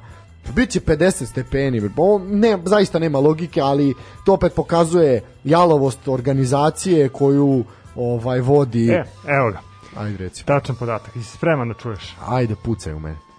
35 stepeni maksimalna temperatura. A, znači 40. Pada igrač Vojvodine u kaznenom prostoru, nema sudi odmahuje Što bi rukom. rekli englezi, very hot and sunny. Ama daj. Pa daj, pa nije normalno. 35 A zaista nije normalno da se 21. avgusta igra u, u, u 16.55. Ma jebi, previše, mislim, baš je to. Aj dobro, šta očekujemo? oni su za to plaćeni, pa nek igraju. Pa znam, ali debi ga, baš nije humano. Uh, šta da čekam? Mislim sad, vidi, onaj ko igra sportsku prognozu treba da uračuna da će od biti 50 stepeni. Znači ja ne vjerujem da će biti neki atraktivan futbal. Znači, treba da naprave u kladionicama mogućnost da se igra stepen koji će biti, znaš, u tom, tom minutu. Znaš, ako možeš da igraš uh, kornere, žute kartone, Da, zašto ne bi gledali temperaturu? E, upravo. ali onda vidi, onda nemojte gledati RTS, jer nikad ništa nećete pogoditi, jer ne mogu da pogode ni za sutra, a kamoli za par dana unapred. No dobro, ajde, šta očekujemo od ovog meča? Ja očekujem sad mali broj golova, a ne, u kakva odbrana Miše Dubljanića na golu Spartaka sa jedno 30 metara je pokušao igrač Vojvodine. mora ti kažem da, da me nerviraš kad kreneš u najavu, ne, i onda ne mogu, znaš šta se ovde dešava, kakav udarac Čovića u 73. minutu, ovaj, fantastičan je čovjek zahvatio loptu, ali je Miša fantastično izbacio to u korner, onako izvio se koliko je dug, fantastična parada. Inače, pohvaljujem Mišu koji brani u trenerci, ovaj, ovom paklu, što je poprilična hrabrost. E, no dobro, ajde, šta kažemo, radnički, čukarički? Mene tu interesuje u kom će sastavu izaći Čukarički, I ko će biti ko će biti trener, da. Apsolutno. Ali obzirom da Radnički igra poprilično fin futbal Da, u ovih da, par kola, Apsolutno, nisu ne bi, me, ne bi me čudilo da, da, ovaj, da naprave neko iznenađenje, pa bi eto, eto mogu taj Kecix da dođe. Kecix, realno. Uh, drugi meč, e, ovo će sad biti zanimljivo. Drugi meč od 19 časova, po ništa manje paklenom vremenu u vr, na vrelom beogradskom asfaltu. Crvena zvezda TSC Bačka Topola. Derbi kola. Derbi kola. Au, goreće. Bukvalno će goreti asfalt. I topit će se. Uf, što od... Uf, uf. Znaš kako, sreće... Ovde bi trebalo da bude dosta golova. I mislim da ovde TSC može da uzme. Dobro, ali opet Stadion Rajko Mitić ima krov, pa će to Znam, biti malo lakše, Biće senke. pa da biti senke, Vlada. ali stvarno mislim da su trebali ovu utakmicu ostaviti u neko predvidije i bolje vreme. Trebalo je da se igra od 21. Znači ova utakmica od 5 je trebala da se igra u 7, ovo od 7 je trebalo da se igra u 21. Mislim, ali jeb, kako će onda prenositi italijansku, špansku, češku ligu, bosansku i tako dalje. Pa mislim, a sve na dva Litvansku, programa. Litvansku. Ali litvanska je na sport klubu. O, Dobro, opet kažem, znači, neko će gledati Litvansku Pa ligu. da, a mislim da ne pričamo i o HNL-u i tako dalje. Ne, ovo zaista, zaista onako ne, počinje da nema smisla, ono što smo i najavili se obistinjuje. Ovaj, a o varu nećemo ni da pričamo. Mada ajde ovo kolo, nije bilo puno utakmica, pa nije nešto puno var ni, ni korišten. Pa, Zato je razlog da što nije bilo vara. pa ne, pa Nije da. bilo mnogo utakmica. Pa da je bilo još tri utakmice koje treba da se odigraju, haos bi nastao. Uh, no dobro. Uh, dobro, šta predlažemo ovde? Crna zvezda, TSC. ja očekujem da TSC uzme bodove. Zvezda je katastrofalna. Pa zavisi od utakmice sa, Klužom. sa Klužom. Tako je. Pritom ne... Koliko će se potrošiti? Pa da. I pazi, Znam. igraju, igraju utorak pa subota, to je gadno, maš malo vremena. Ali opet igraju kući obe utakmice. To je prednost. Slažem se, ali naš kratak, kratak mali razmak. No dobro, ajde, vidjet ćemo. Ajde, ja, ja kažem, očekujem da se uzme, uzme makar bod. Ja možda očekujem da, da, da ta utakmica bude prelomna i do te utakmice Zvezda krene u svom prepoznatljivom ritmu. Da se upali mašina. Pa ne da se upali, ali barem da, da, da, da krene da varniči. da, da, da, makar kontakt da daju. ovaj. Dobro, to je što se tiče subote. A sad pa pazi ovo, pa ne ovaj cirkus ko- kompletni. U nedelju od 16.30, pa majku mu poljubim, Vojvodina Novi Pazar. Pa na šta će, ostaće 22 barice na terenu u pola pet u, u nedelju. Ma daj, ja, zaista, ono. Pritom, kad, čekaj, Ne, znaš kako, odeš Ma na utakmicu, ne, ne, na polovremenu izađeš, satiš do, do Spensa, butnjaš se, vratiš se na drugo polovreme, to je to. Pa toliko će znoja biti na terenu da će bazen biti na, na Karadžođe. Ma daj bre. Mislim ovo... A pritom, aj sad zamisli, jako me zanima da li će ekipa Novog pazara doći dan ranije u Novi Sad ili će putovati taj isti dan. Što nije isključeno uopšte. Znači, ako budu putovali taj isti dan po tom paklu, Ne, ne, doći ranije, vjerojatno. pa ja se nadam, znači ovo nema smisla. Ne znam, po, po, kriminalno. Ja, druga reč sam kriminalno, ne, ne, ne znam, ne znam. Karambol, evo sad dok te, dobro je da te nisam prekinuo, ovaj karambol u kaznenom prostoru Spartaka, dva odlična udarca, prvo jedan izblokiran sa peterca da bi onda Miljan Vukadinović poslao loptu daleko preko gola. E to Vojvodina napada, hoće da preokrene rezultat u svoju korist. Šta kažeš za Vojvodinu Novi Pazar? Obe ekipe ne štimaju baš kako treba. S tim da Pazar S tim da Pazar igra dobro, ali opet Pazar igra mnogo zbiljniji futbal trenutno u odnosu na Vojvodinu. Pa dobro, da. Zavisi između Napadački, ako Pa da, ništa, zavisi da. između ostalog i od toga uh, kako Vojvodina bude prošla sad u ovoj utakmici protiv Spartaka gde je trenutno Da. 2-2. Poprilično se troše. Da. Mislim da imaju prednost domaćeg terena i da bi to trebalo da im bude pokazatelj da jure ta tri boda, ali opet ne znači to ništa. Sve u svemu, šta znam, eto, ja, ja mogu da, da očekujem pobedu Vojvodine, ali me ne bi iznenadila ni, ni pobeda Novog pazara. Da, reći ću samo da je oboren, kako gori u Subotici, 78 minuta je oboren napadač e, Spartaka u petercu, međutim sudija je samo odmahnuo rukom, ali bacio je čoveka na ipon, ovo je za gledanje vara, ovo je za gledanje vara, ali var se za sada ne oglašava. E, a ovaj sudija što je sudio u pazaru, Partizanu, čovjek ima traume, čovjek gde god se pojavi haos nastaje. E, to je e, prvi meč u nedelju, a drugi meč u nedelju od 18 časova, znači ništa bolje vreme, Spartak se utica na napredak. Šta da kažem, znači, Dobro, ajde, neće biti ma- 40 stepeni, biti 35, mislim. Pa dobro, opet, o, malo bolje vreme Pa za nijans. za nijans. Pa nema šta ode, bodovi ostaju u Subotici. Da li sva tri ili jedan, vidjet ćemo, ali mislim da napredak neće se bodovi. Uh, da, ali mislim ono definitivno je utisak da će se igrači ono dobije toplotni udar, on će dobiti sunčanicu. Mislim, ja, on počet će da haluciniraju ovog puta ne od alkohola i kokaina, nego od sunca, mislim, da. Aj, dobro. Uh, to je što se tiče, to je drugi meč u nedelju. Treći meč u nedelju koji se igra od 21 čas. Kolubara Partizan u Lazarevcu. Znači, nakon Santa Klare u Lazarevac. Dobro, Lazarevac je blizu Beograda, pa Partizan neće morati. Santa Clara blizu Njujorka. Pa da, kompenzacija. Dobro, da, pa sad ovde, mislim, dosta ovde zavisi od toga, prvo u kakvom sastavu će Partizan izaći, drugo šta će se desiti na uh, Santa Clari, treće da li će se još neko povrediti, naravno, ono, mislim, sad tu puno Ali faktora. pazi, e, utakmica od 21 sat, Da, pa dobro vidi. mnogo bolje nego sve ove termine Nego koje pola pet, m, definitivno, da, ali dobro, ajde. Ovaj, zaista, vidjet ću. Mislim, ovde je Partizan apsolutni favorit, mada Kolubara će se boriti ko što se Kolubara zaista bori u svakom kolu. Znaš, kao i prošle sezone smo imali Zlatibor iz Čajetine, koji se, apsolutno, osim na prvom meču u sezoni, nije pokazao ništa, ni apsolutno ni borbenost. A kao svi ovi ostali su makar u nekim momentima nešto pokazali. Kolubara se zaista bori od starta i kao neko ko je Meni ušao sad u da sad je- jedno jako fino prijatno i prijatno iznenađenje. I oni i radnički iz Kragujevca. Da, Da, da, da. Ne, se paretišemo obe, obe ekipe koje su ušle u, u rang više. Znači, zaista se ljudi bore i nije to ono kao, e, ušli smo, pa sad ono, naš, skupili smo se ko za termin, Da, pa šta- šta, šta odradimo, odradimo. Pa odradimo, odradimo, da. To je to što se tiče programa u nedelju. Uh, u ponedeljak za sada jedan meč, uh, opet termin kretenski, I opet proletar, pretpostavljam. pa da, proletar će ići u Niš u pola šest. a nema, no, radni dan u pola šest, opet na paklu, a radni dan, pa ko će to doći da gleda? Pritom, proleter u, u zaista lošem momentu, a nije ni radnički ništa boljem, ovaj, nakon dva loša rezultata. Ne znam. Ovde, ovo, pa dobro, mislim, zato je stavljen ovaj termin da ovo niko ne gleda. drugačije ne znam da objasnim. Ovaj, šta ćemo ovde prognozirati? Pa ja prognoziram pobedu Radičku definitivno. Proletar da mi, će- Proletar mi baš loše igra od početka sezone. Da, čak i promjena trenera ništa posebno nije imaju pokazala. problem sa organizacijom u klubu. Definitivno.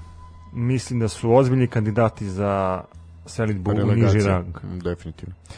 To je to što se tiče najave šestog kola, a idemo kratko na tablicu, što bi rekli, odakle želiš da ti čitam tablicu? Pa naravno napred. Od napred. Ne bi verovao, trenutno na prvom mestu je TSC. Da, da, da. Da, da, TSC ima Utakmicu više. utakmicu više od Partizana i Crvene zvezde i tri boda više od Crvene zvezde, a bod samo više od Partizana. Znači prvo mesto, uh, četiri pobjede, jedan nerešen, 13 uh, bodova, Partizan drugi, kažem, sa utakmicom manje, sa 12 bodova, četiri pobjede, Partizan je jedina ekipa koja ima 100% učinak, Crvena zvezda tri pobede, jedno nerešeno. Uh, Crvena zvezda ima, verovali ne, od prvih pet ekipa na tabeli najslabiji, uh, najslabiji broj dati golova. Koliko? 5-1. 5-1 je da, napredak ima, koji je četvrti, ima 8 dati golova sa 9 bodova, pet je radnički iz, e, iz Kragujevca, pardon, koji ima 8 dati golova, a 7 bodova, šest je Čukarička, eto, koji ima 5 dati golova, ali i 5 primljenih, što je poprilično onako loše. Sa 7 bodova, Kolubara takođe 7 bodova, Čukarička recimo ima i utakmicu manje, E, šest bodova ima radnički koji je na osmom mestu, isto toliko ima i radnik koji se nalazi ispod te granice play-offa. E, Voždovac sa šest, takođe Vojvodina za sada pet, ako ovako ostane. E, Spartak takođe pet, ako ovako ostane. Metalac 4, Novi Pazar 1, 14. su na tabeli, 15. je pardon, Proletar sa jednim bodom i Mladost još uvijek jedina ekipa bez bodova vezana četiri poraza. Imaju gol razliku 2-6. To je što se tiče tabele, najavili smo kolo, a najavit ćemo i Evropu, Evropo EVME, e, znači rekli smo utorak Crvena zvezda od 21 čas uz direktan prenos na RTS-u i na areni. U istom periodu će, u istom vremenskom periodu će igrati Dinamo u Moldaviji i rekao sam da Dinamo ima organizacionih problema. Zapravo šta se dešava? Pošto Moldavija nije članica unije. da, ni NATO pakta, ni nije priznala Kosovo i samim tim e, igrač Dinama Lirin Kastrati neće moći da uđe na teritoriju Moldavije sa kosovskim pasošem. On nema ni jedan drugi e, pasoš osim ne- nema dvojno državljanstvo, Da, da, jer ima kosovsko. samo samo kosovsko i on neće moći da za sada kako stvari stoje oni su rekli da on ne može da uđe. E, Dinamo je uput- uputio molbu UEFI da se njemu odobri ulazak, međutim UEFA još uvijek ništa nije odgovorila. E, na primjer imate Arijana Ademija koji ima i makedonsko i kosovsko, ali ima makedonsko i oni će ga pustiti. E sad ovde eto za Kastratija će biti problem. Ova eto zanimljiva Zanimljiv podatak, ti podatak. Da, da, da. S tim da Kako, kako su braći Moldavci, a? Da, s tim da uh, se šerif nalazi u Tiraspolu, uh, gde neće Dinamo moći da sleti u Tiraspol, nego u Kišnjev. Kišnjev, da, to je jedini aerodrom koji ima. Da, pa će onda morati da se vozi autobusom, ne znam koliko sati i po dva vremena, i onda prelazi tu administrativnu granicu, pošto je Tiraspol pripada ovoj ocepljenoj regiji koja traži samostalnost već 30 godina, ovaj, tako da tu popriličan problem će biti za le- delegaciju Dinama, ali mislim mnogo su kvalitetniji tako da bi trebali ovo da reše. Uh, ajmo dalje, to je što se tiče utorka, što se tiče srede, uh, Benfica PSV, eto, to je jedan duel vredan lig, grupne faze Lige šampiona eto već u kvalifikacijama, Malme Ludogorec, Young Boys Ferencvaroš, vidjet ćemo koliko Ferencvaroš može, i Celtic Aze Alkmaar. Pa to isto duel vredan Lige Evrope pre Lige Evrope, mislim, jel? Četvrtak, e sad tu kreću ovi naši, uh, Slavija iz Praga protiv Legije. Ozbiljan duel. Ozbiljan duel koji vredi pogledati. Uh, Mura će dočekati šturm iz Graca, a to je isto zanimljivo. Uh, Olimpijakos... Lokal, isto lokalni derbi, a? Da, lokalni derbi, da. Olimpija, bratski može se reći. O, Olimpijako Slovan Bratislava, to je poprilično zanimljivo. Uh, šta imamo? To je Liga Evrope, a Liga konferencija imaš Union Berlin, imaš u, u Ligi konferencija koji se priključuje u ovom kolu protiv Kupsa iz Finske. Eto, zanimljivo je kako će Union Berlin kao jedini predstavnik istočne Nemačke se snaći u Evropi. Inače, znaš koji je glavni grad Finske? Uh, znam, čekaj, Helsinki, da, da, da, da, da, dobro, dobro, ovo je interna šala, interna šala, ko razume, shvatit će. Lask St. Johnson, to ono gde je trebala da bude Vojvodina, mislim trebala, gde smo se nadali da će biti. E, Plzen i CSKA i Sofije. Realno Plzen je u Rasulu, CSKA ima šansu da dođe do da Bugari imaju predstavnika u Evropi. Pa ako Bugari budu imali predstavnika u Evropi, Dobro, pa moramo i mi i. Ludogorec isto ima velike Pa je šanse. dobro Ludogorec, da. A dobro, Ludogorec su više inostrani nekog, više Brazilaca ima nek Bugara, naš. Ovo CSKA je baš bugarska ekipa. Ovo je tako da ove ne računam. Uh, kakva segregacija? Samo kad nije Levski. Isto internacionala. da, inter, a nije, mislim, oni koji slušaju nas znaju čemu je fora, to sam je predviđao da će Lalatović otići da vodi Levski iz Sofije. Čovjek otiče u Saudijsku Arabiju 5000 km daleko. No dobro. Uh, Feyenoord Elsborg, na primjer, to je zanimljiv duel. Anderlecht Vitesse. E, Paok Rijeka. Interesantno. To je interesantno. Baš interesantno. To je interesantno. Duel prvi meč se igra u Grčkoj. Da, obe ekipe su na moru. Obe ekipe su na moru, tako je, ovaj stadion i na na obali mora. Pritom će biti uzavrela atmosfera i u Grčkoj, a i u Hrvatskoj. To je to poprilično zanimljivo. Vidiš, ovo može da bude uh, utakmica koja će imati veze i sa nacionalnom konotacijom, Da, obzirom ne znam da, da, da. Paukovi imaju prijateljstva što sa srpskim narodom, što sa navijačima Partizana, opet da. imamo Rijeku koja je tradicionalni hrvatski tim. Pa dobro, može Dobro, se ali- reći jedini tim koji nije nešto to u Hrvatstvo isticao da, tokom godina. Ma da se sećamo vruće gostovanja Partizana 98. godine tamo da je bilo onako poprilično gadno. Pa ne znaš kako, uh, navijači u, i u Hrvatskoj i u Srbiji iskazuju taj patriotizam, nacionalizam, kako god da ga nazovemo. Da. i kroz futbal, tako da to su radili jedni i drugi. Eto, imamo smo priliku i da vidimo a, isticanje paokovih a, transparenata vezanih i za, i za Kipar i za Tursku. Da. A, Peto Rijeka je imala par nekih pogrednih a, na konto, naravno, Srba, koji su im uvek krivi.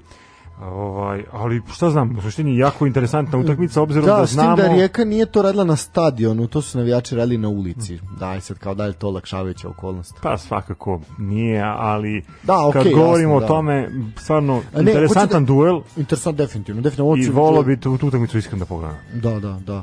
Uh, evo, na primjer, zanimljivo je što Tottenham se priključuje kvalifikacijama za ligu konferencije u ovom kolu. Čekaj, I- Tottenham igra kvalifikaciju u ligu konferencije. Da, ovaj, pa vidi, to je to sad, znači imaš tu ozbiljnih klubova. I onda to, to dođe i kaže to je kup Slavice Ćukteraš. A, nema Pozdrav. Slavice Ćukteraš. Da, posle sad ovaj i Tottenham ide Pakoš Ferreira u Portugal. Eto i, i u isto vremenu istog danu će i Partizan i Tottenham gostovati u Portugalu. Samo će Partizan biti 1000 km udaljen od Portugala od od ovaj teritorije, no dobro. I na kraju program u četvrtak zatvara Santa Clara i Partizan. Šta očekujemo od tog duela? Očekujem da budem budan prvo. Prvo ćemo izdržati da budemo budni, to je prvo. Utakmica se igrala tako, kup 22 i 30, to smo rekli. Da, da, pola, pola 11. Pazi, treba izdržati. Posebno za one ljude koji rade rano ujutru. Ali svakako nismo navikli da gledamo futbal u ovom terminu, osim ako nisu neke olimpijske igre ili ako se ne igra prvenstvo sveta u Brazilu. pa da, da. E, samo ću reći, pošto ovaj, se dešava opet malo haos u, u Subotici, da je Luka Cucin zaradio crveni karton, eto, Vojvodina će u 80, od 89. minuta e, ostati sa igračem manje i to je sad onako popriličan problem za Vojvodinu, eto male prednosti za Spartak da u finišu meča Ovaj, bilo je tu dosta onako startova ružnih i nekoliko laktova je sevnulo. Cucin je zaista zakasnio, nije imao nameru da udari loptu nego igrača i zasluženo mu je sudija pokazao drugi žuti karton. E, da, rekli smo Santa Clara i Partizan, rekli smo Santa Clara igra poprilično brzo, poprilično simuliraju, padaju i onako su prljavi Portugalci. Ovaj, mislim na stil futbala, ne na samu naciju. A naši, a nek se bore, pa šta im Bog da. Neka igraju. Neka igraju futbal, neka melju, pa ćemo vidjeti dok će, dok će doći.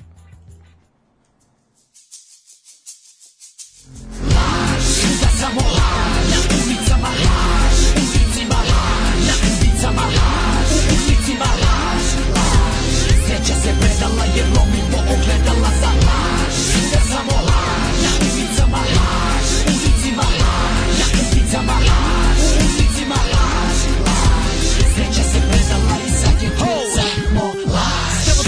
sam isparađen na mali Ivan. Kažu bio sam divan klinac, nikada divalj, nikada inat Na faksu kupovali ocene, ja štreba, on nikada kivan. Mada je zajebano toliko mita kada je taj faks medicina.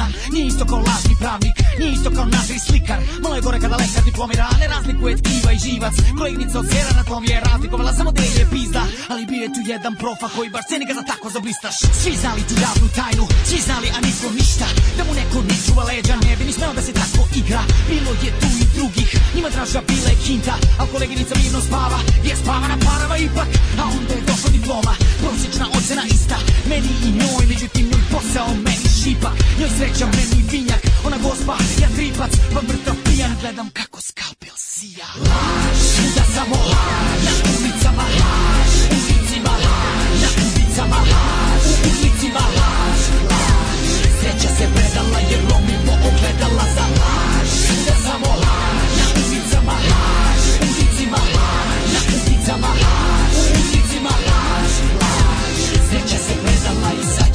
samo laž Da se ne lažemo, ništa nije problem za ribu Koja nije piknula knjigu, ali ima diplomu na zidu. Sve ide od ruke kada se rašire noge. Nakon faksa ista praksa, a primila je mnoge Da bi bila u prilici da se zaposli u klinici. Samo neće bilo šta, devojka ima viši cilj. Vreme je novac, ona ne bi da ga gubi Jer ima sjajan prosjek i u roku završene studije. Pa nakon par funkcionera, jednog sudije i jednog konzilijuma Stigla je do hirurgije je da vreme ubije i bude plaćena. Nekad se i ne pojavi, nekad bude skraćena Ali bila je tu baš tak kad nije trebalo.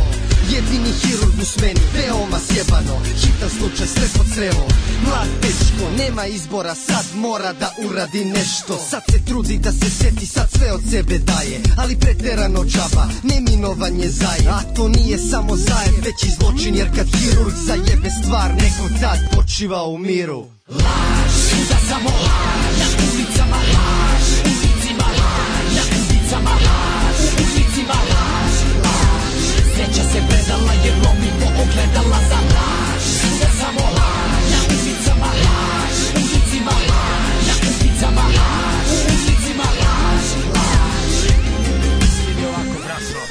Nisam ja ušao u stranku da bi mi dali deo njihovog prihoda.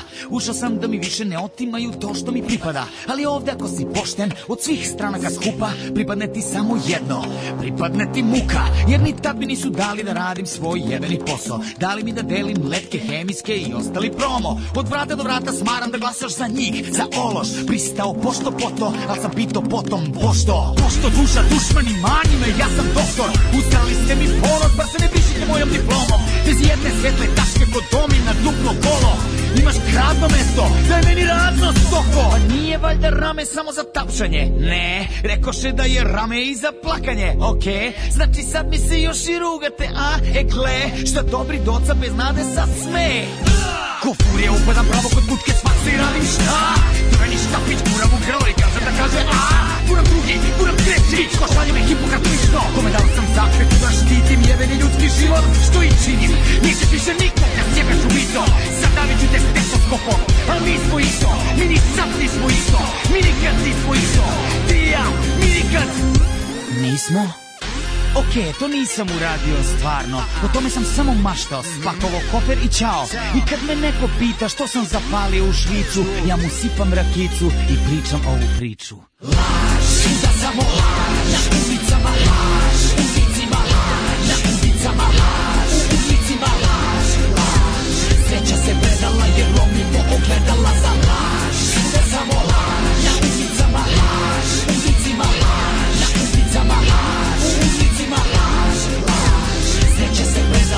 je tu samo laž.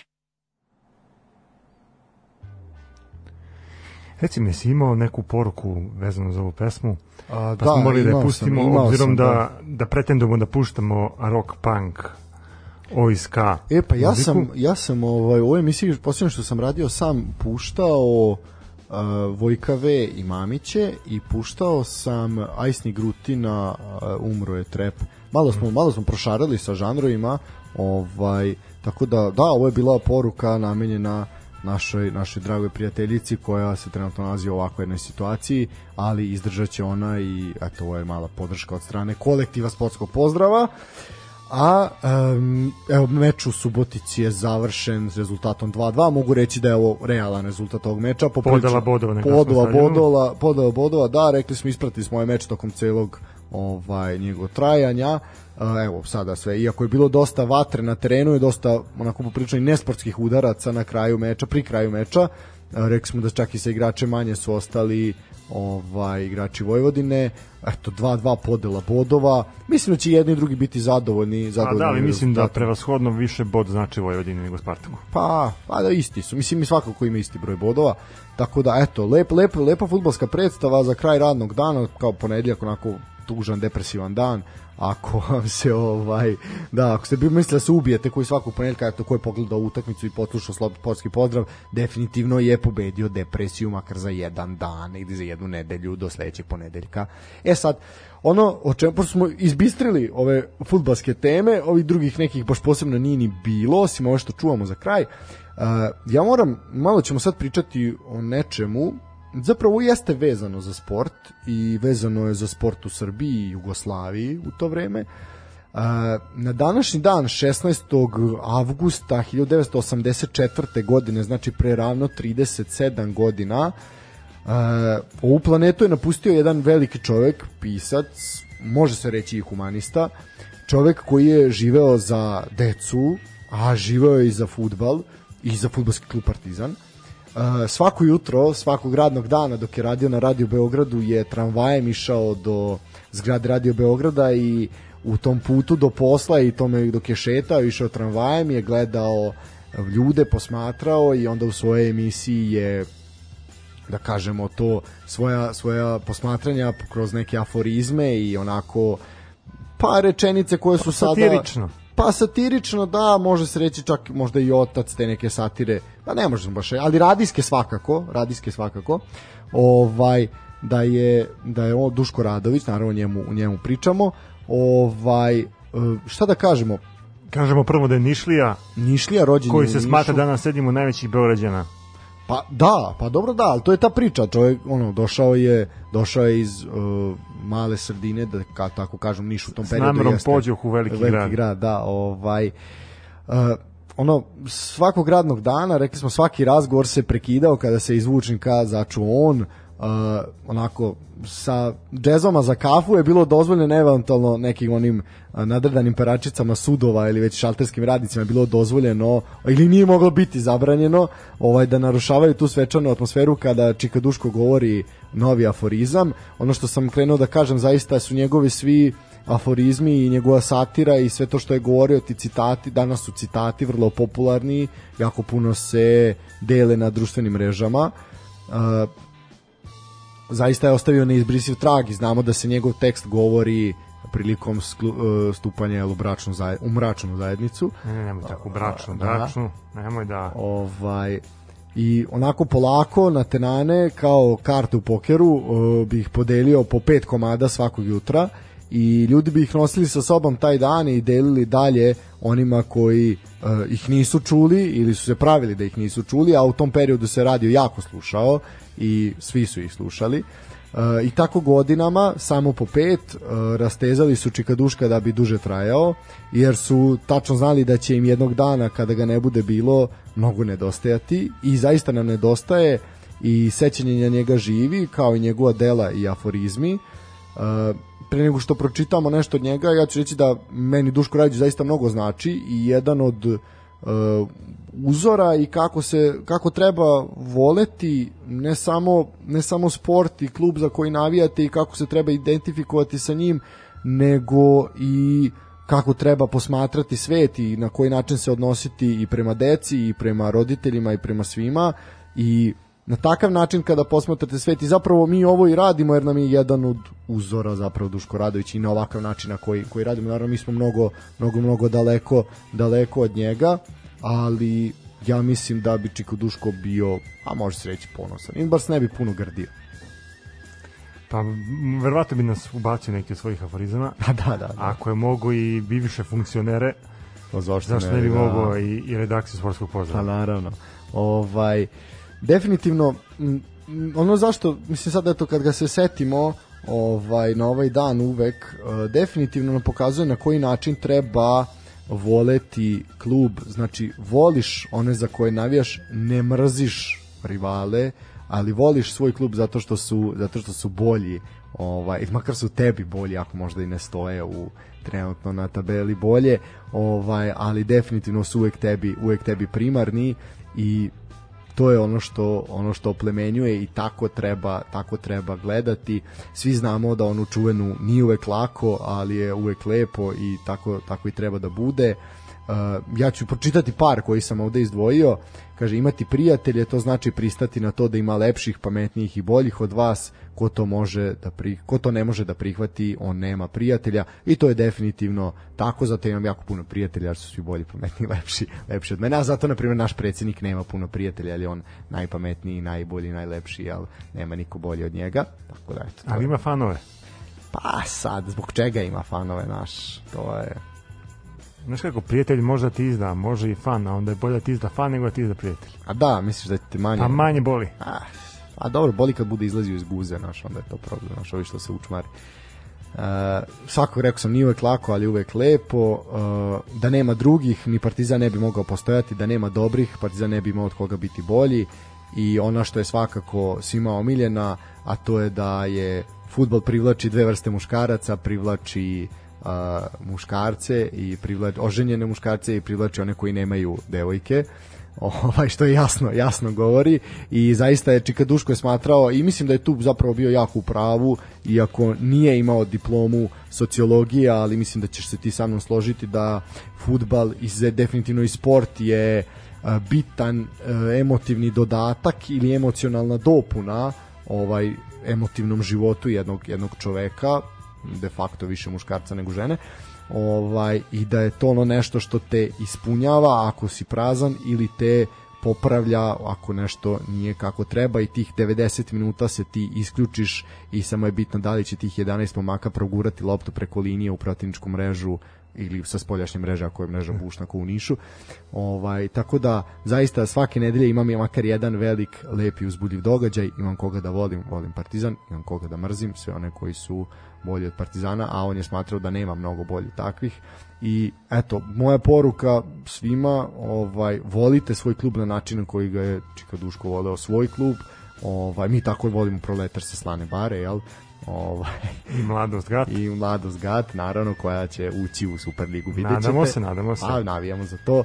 I eto, bilo je onako, lepo je setiti se Čika Duška i trebalo bi možda češće da se sećamo ljudi kao što su Znaš kako, kad, kad, kad si spomenuo Duška Radovića, e, meni je najznačajniji njegov aforizam, odnosno to je više e, dobra filozofska misao, da svake godine trebamo da odemo u ludnicu, da posetimo da nismo u ludnici, na grobnju ili, ili u bolnici. E onda tada vidimo koliko nam je život bogat i koliko je dobar i koliko tako u suštini stvaramo sebi presiju nekim nepotrebnim nekim problemima. nebitnim stvarima, da. Pa ne, kažem, Čika Duško je zaista, zaista imao ovaj mnogo, mnogo dobrih ovaj korisnih stvari je rekao i ono tucite, tucite vašu decu kada počnu da liče na vas ovaj jer da ne bi, ne bi bili isti kao vi što isto ima ima ovaj smisla Tako da- Naravno ne podržavamo nasilje porodice, se razumemo. Naravno da mislim ne bože, ali eto vidi, ali vidiš sad eto to to bi na primjer da je sad to izgorio 2021. to bi bilo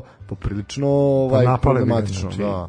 NV organizacije žene u crnom Da. a, za zaštitu ljudskih prava i o, ima dosta dosta bi ga napali mogu da. Da. kažem ali eto druga vremena drugi ljudi Da, pa eto, mislim, može se reći da je on bio i prvi urednik dečijeg, dečijeg programa, što je, eto, zaista, zaista jako, jako lepo.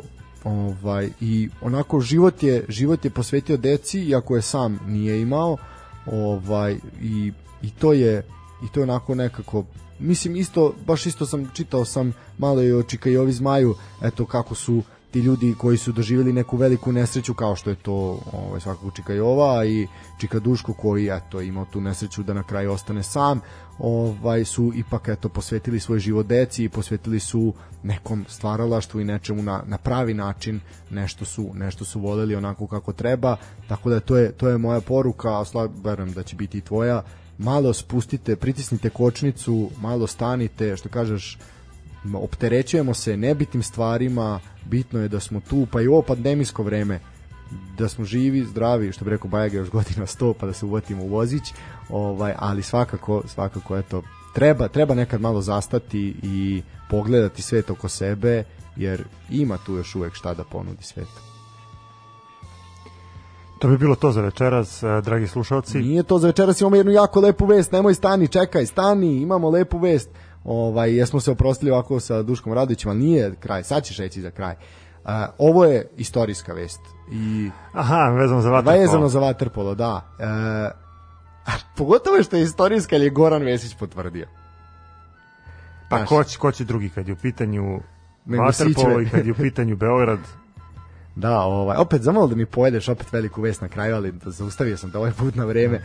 Ne, zaista je istorijski dogovor uh, između Partizana i grada Beograda, tačnije Vaterpolo kluba Partizan, zameni gradonačelnika, ali opet zašto zameni gradonačelnika rešava ove stvari? Zašto da uvijek posle gradonačelnika? Zato što gradonačelnik hrani postoji. ptičice, da. Ptičice, ptičice, da, i Po pravi, parkovima. Da, i pravi ove kućice za ptice isto, da sad ih sakriva od dima ovog sa požara.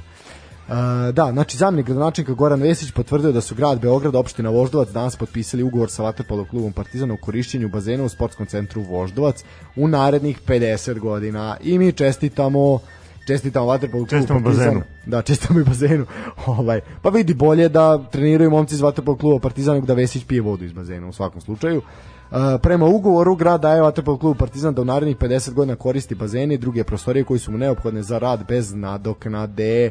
Ugovor, ugovorom je definisan da će grad vaterpolo klubu Partizan obezbediti 7 sati dnevno besplatnih termina za sve kategorije, što je ozbiljno vreme, od najmlađih do seniorskog tima. U slučaju da grad u nekom periodu ne bude u mogućnosti da finansira termine, sportski centar će snositi troškove tih termina. Znači opet građani Srbije. Drugim rečima. Pa drugim rečima da, on je podsjetio da je opština Voždovac dobila spor u vezi sa vlasništvom na sportskim centrom.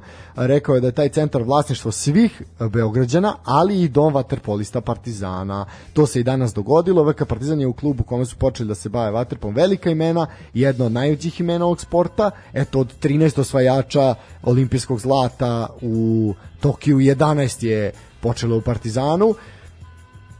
Vaterpolo klub Partizan je institucija, najuspešniji vaterpolo klub u Srbiji zaslužuje da nastavi da radi i stvara asove na istom mestu gde su to uspešno radili decenijama unazad, to je rekao Vesić. Posjetio je da je pre mesec dana predstavnicima VK Partizana na sastanku na molbu ministra sporta Vanja Udovičića rekao da je Banjica njihova kuća i da će tako i ostati. Svi koji me znaju mogu da budu sigurni da će grad naredne godine početi rekonstrukciju sportskog centra Voždovac, dodao je Goran Vesić.